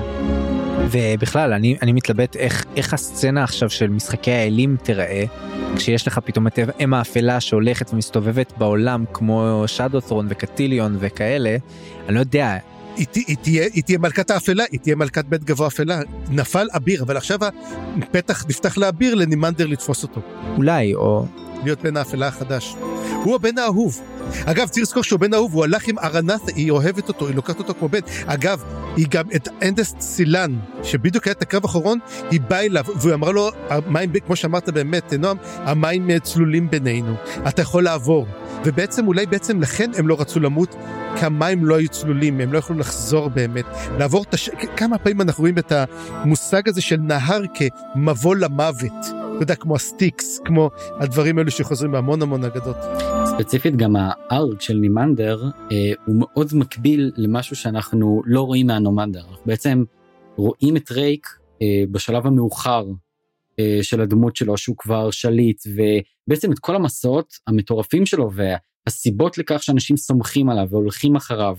אה, כל למה הוא בכלל אה, עלה למנהיגות שהוא הגיע אליה אה, אנחנו מקבלים את זה דרך נימנדר המסע שהוא עובר בספר והעלייה שלו לשלטון אה, בסוף במחשבה לאחור אולי מסבירים לנו איך הנומנדר בסוף ימיו אה, זכה אה, לתמיכה ו- ו- ולה- ולהיענות הזאת מהאנשים שלו שאנחנו רואים בתחילת הספר מאנדסילן וספינוק אה, וכל השאר. או בשביל שנקרא פשוט את טרילוגיית קרקנס. אולי, אולי. בסוף כולם רוצים פשוט רק את הכסף שלנו. גם נכון. והדבר הבא בעצם זה גורל החרב. וכל הקוסמים של דורוג'יסטן וכל אחרים מתאספים באמת לוודא. כל הקוסמים, בוא, יש, יש שלושה. וורקן דרודן וברוק, אוקיי? כל הקוסמים, ויחד גם כן, אני חושב שאולי גם קרון נמצאת שם גם כן. כן, עכשיו קרון היה לה מין אה, יחסים גם עם ברוק וגם עם ריק, ועכשיו היא כנראה תהיה עם ברוק עכשיו? לא יודע. כנראה, צריך לדעת מה קורה באמת עם האורבים, ומה שקורה, הם מוודאים, באים לוודא באמת ש... אה, אתה יודע, אה, שוברים אכן את דרגניפור שברוד אה, בא לשבור את דרגניפור והוא שובר את דרגניפור עם, עם הפטיש שלו הפטיש הידוע אבל ברוק עדיין אומר תשמעו האנשים פה עדיין מנסים להעיר את אחד העריצים העתיקים. מה שמזכיר לי את המחשבות על הכס שלא ראינו אותו מה שמראה שאולי נחזור לדרוג'יסטן. האל שצריך למות. הכס שלא ראינו אותו הרודן שלא ראינו אותו. כן. אה והייתה עוד נקודה כשברוד בדיוק הורס את החרב לפני זה הוא אומר משהו לגבי ברן שאם ברן הייתה יודעת היא בטח אה, זה היה בטח היה משעשע אותה אני לא הבנתי אם זה משהו זה רומז אולי על זה שהוא צריך יום אחד לשחרר אותה מהכבלים כן. או לעורר אותה. אז האם זה מין האם זה היה אמור לשעשע אותה בצורה אולי צינית או האם זה כאילו לא יודע זה היה. אולי גם כן ברן כלואה בתוך כמו חרב כזאת דומה, הרי הם צריכים לזכור שהוא ישחרר אותה במכה. אז השאלה עצמה איפה היא קבורה, האם היא כבולה כמו בעצם כל השאר בחרב שמשתחררים אחרי ששוברים ואחרי ששבור את האדמה, יהיה. או שבעצם קלד אמרות זרק את הפטיש שלו עד למעלה ושבר את הירח, לך תדע מה קרה שם. אולי, אולי היא קבורה בירח בעצם, לך תדע. לא, היא קשורה לאדמה, היא אלת נכון, האדמה, נו. נכון. אז איזה אל השתחרר, אז איזה אל השתחרר מהירח. אמ, אגב, זה קצת מזכיר לי, אני לא יודע אם אתם, אתם שיחקתם Final Fantasy אי פעם? מישהו מכם? ב Final Fantasy 8... לא, דילגתי. דילגת.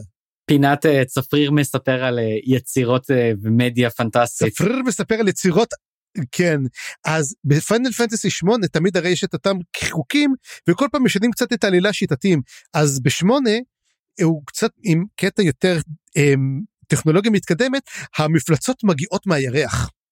שזה מעניין, אתה יודע, לחשוב שיש משהו שחי על הירח, ובעצם אתה מגיע לירח, אתה נוסע מהירח, אתה יודע, יש בעצם דברים שם על הירח שהם משפיעים, אז זה מעניין לראות האם זה גם ככה יקרה פה. ואז בעצם אנבי אמ, מגיעה ל... לאחוזה שלה ופישר בא לבקר אותה, ואז היא אומרת לו, תשמע, קלדן ברוד הגיע, נו נחמד, אומרת לו, אבל יש לנו בעיה קשה יותר. דרקונוס חזר. ו...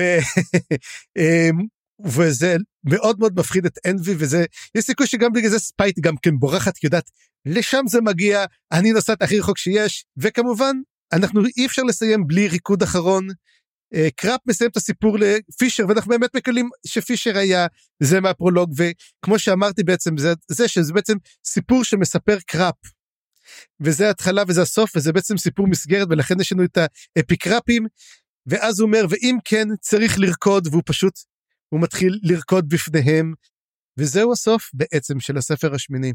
אז כן זה בדיוק אה, מתחבר למה שדיברנו עליו בפרולוג וסוגר את, הס, את הסיפור מסגרת ה, ה, וגם בעצם את ה narration של, של קראפ שליווה אותנו לכל אורך הספר. אני קצת מתבאס מזה כי כל כך נהניתי ממנו אבל על זה עוד, עוד נדבר עוד רגע.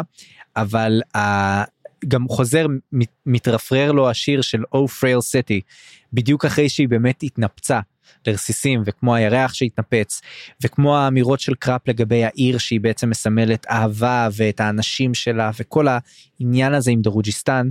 אבל גם יש פה עניין של לידה מחדש ועניין של התחדשות של הכוחות והריקוד של קראפ שיש בו משהו טרוף אבל גם יש פה משהו מאוד אה, כזה שמחה של החיים וגם אני אהבתי פה בסצנה שדווקא מאוד נאיבי גם כן. כן כולם כל השאר מסתכלים על קראפ וכאילו מה הוא עושה היצור הזה?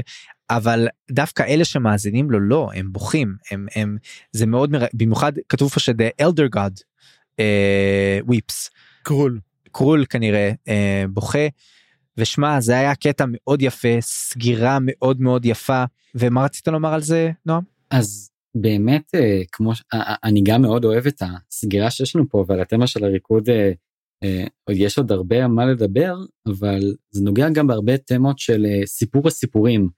אה, שנשזרות לאורך הספר, כי הרי שאלה שאני חושב כבר העליתם אה, פרקים קודמים של הפודקאסט, היא איך בעצם קראפ יודע את כל הדברים אמנם הוא צלופח ואנחנו מניחים שיש לו אה, ידע אה, שהוא יכול אה, להשיג אבל בסוף אם זה סיפור שהוא מספר אה, אולי הוא לא יכול לדעת הכל.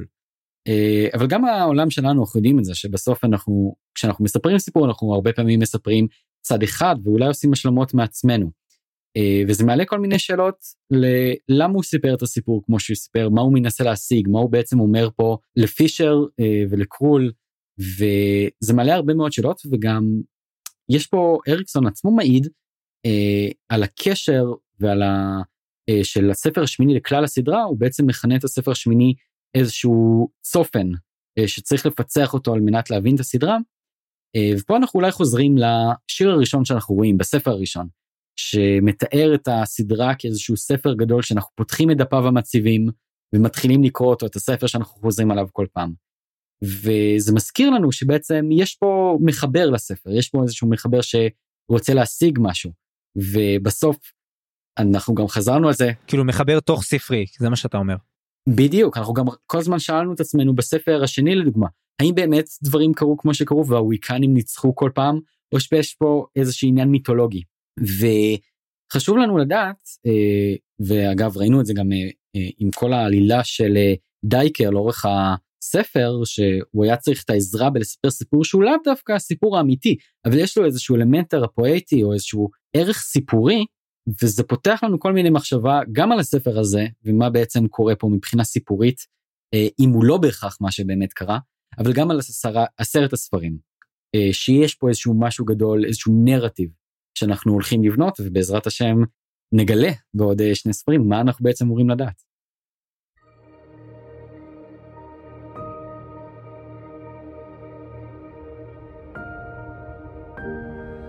אז אז אולי במילים אלה ננצל אותן בשביל לעשות סוג של סגירה ונדבר על סיכום של הספר איך הרגשנו עליו משהו כזה.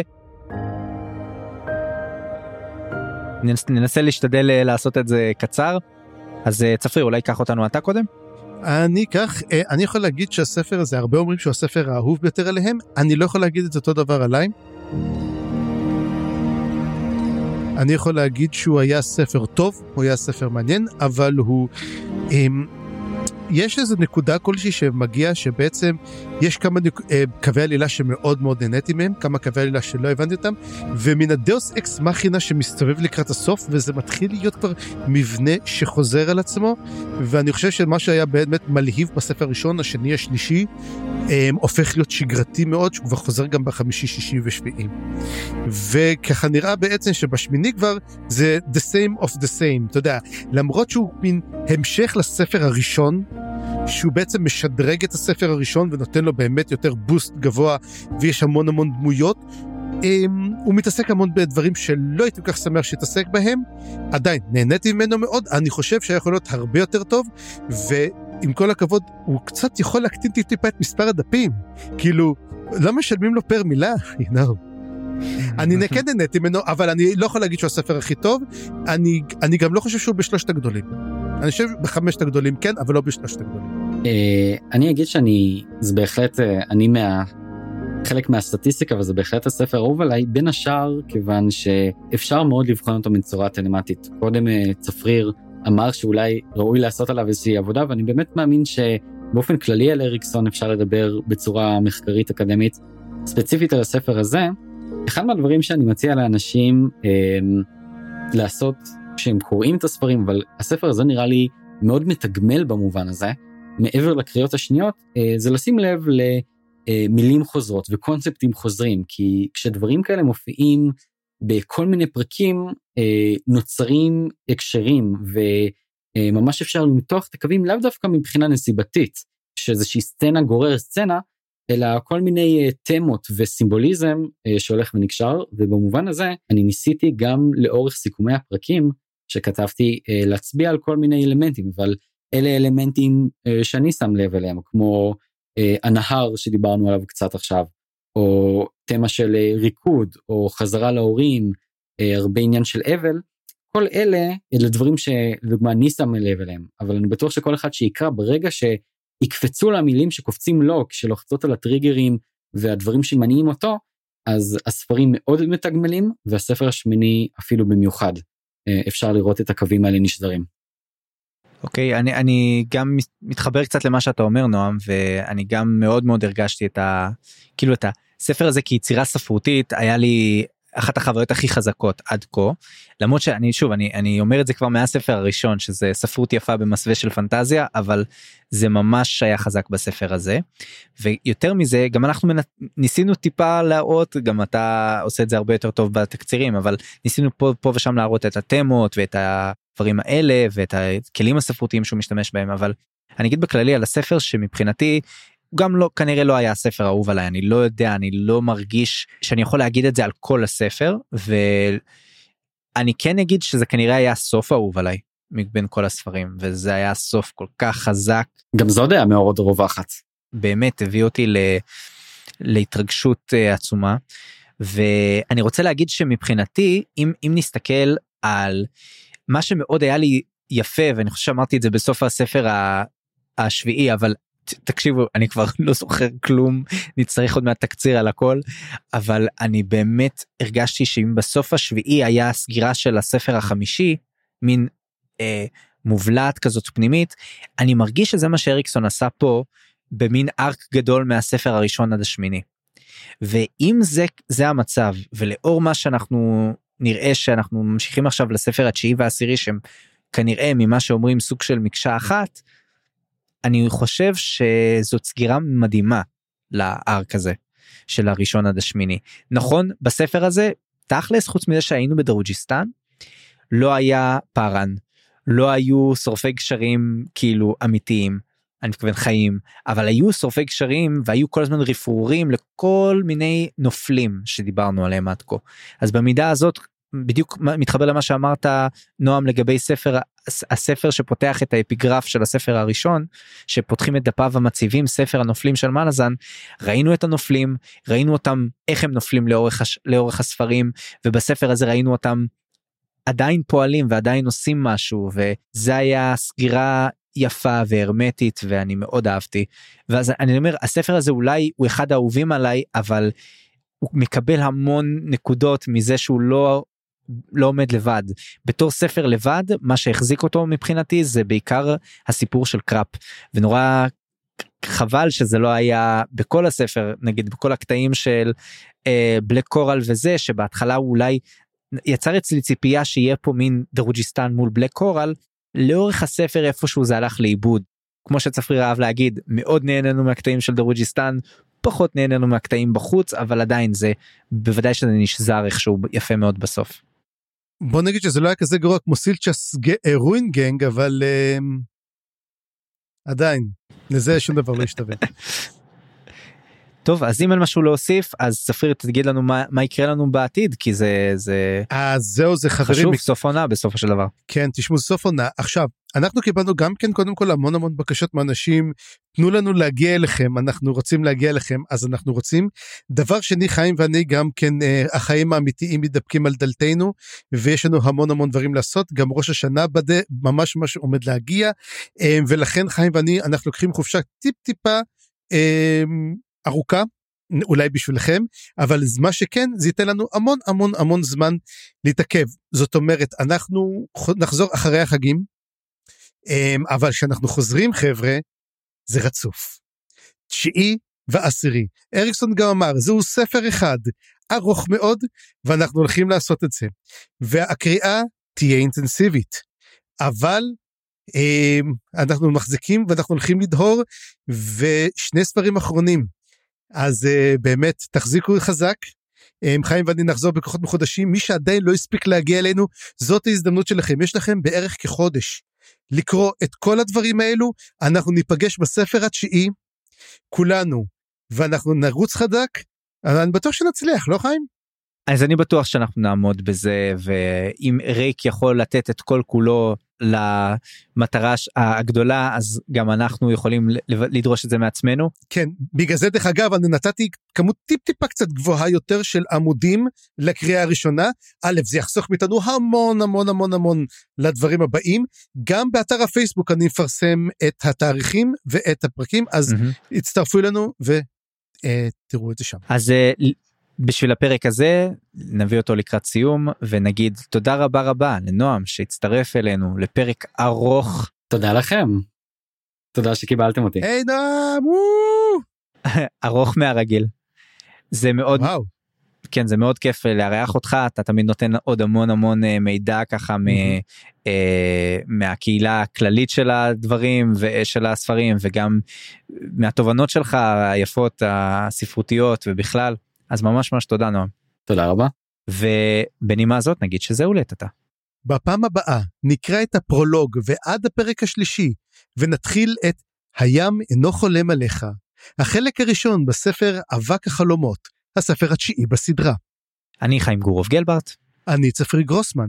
בואו לערוץ הדיסקורד שלנו נחמד שם ונשמח אם תדרגו אותנו באפליקציית הפודקאסטים שבה האזנתם לנו ואם בא לכם לתמוך במה שאנחנו עושים אפשר לעשות זאת דרך פטריאן יש מלא דרגות תמיכה ותשורות מגניבות פרטים בתיאור הפרק. עריכה וסאונד חיים גורוב גלברט.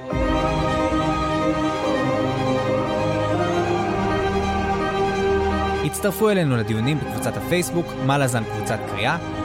תודה שהאזנתם וניפגש בפרק הבא.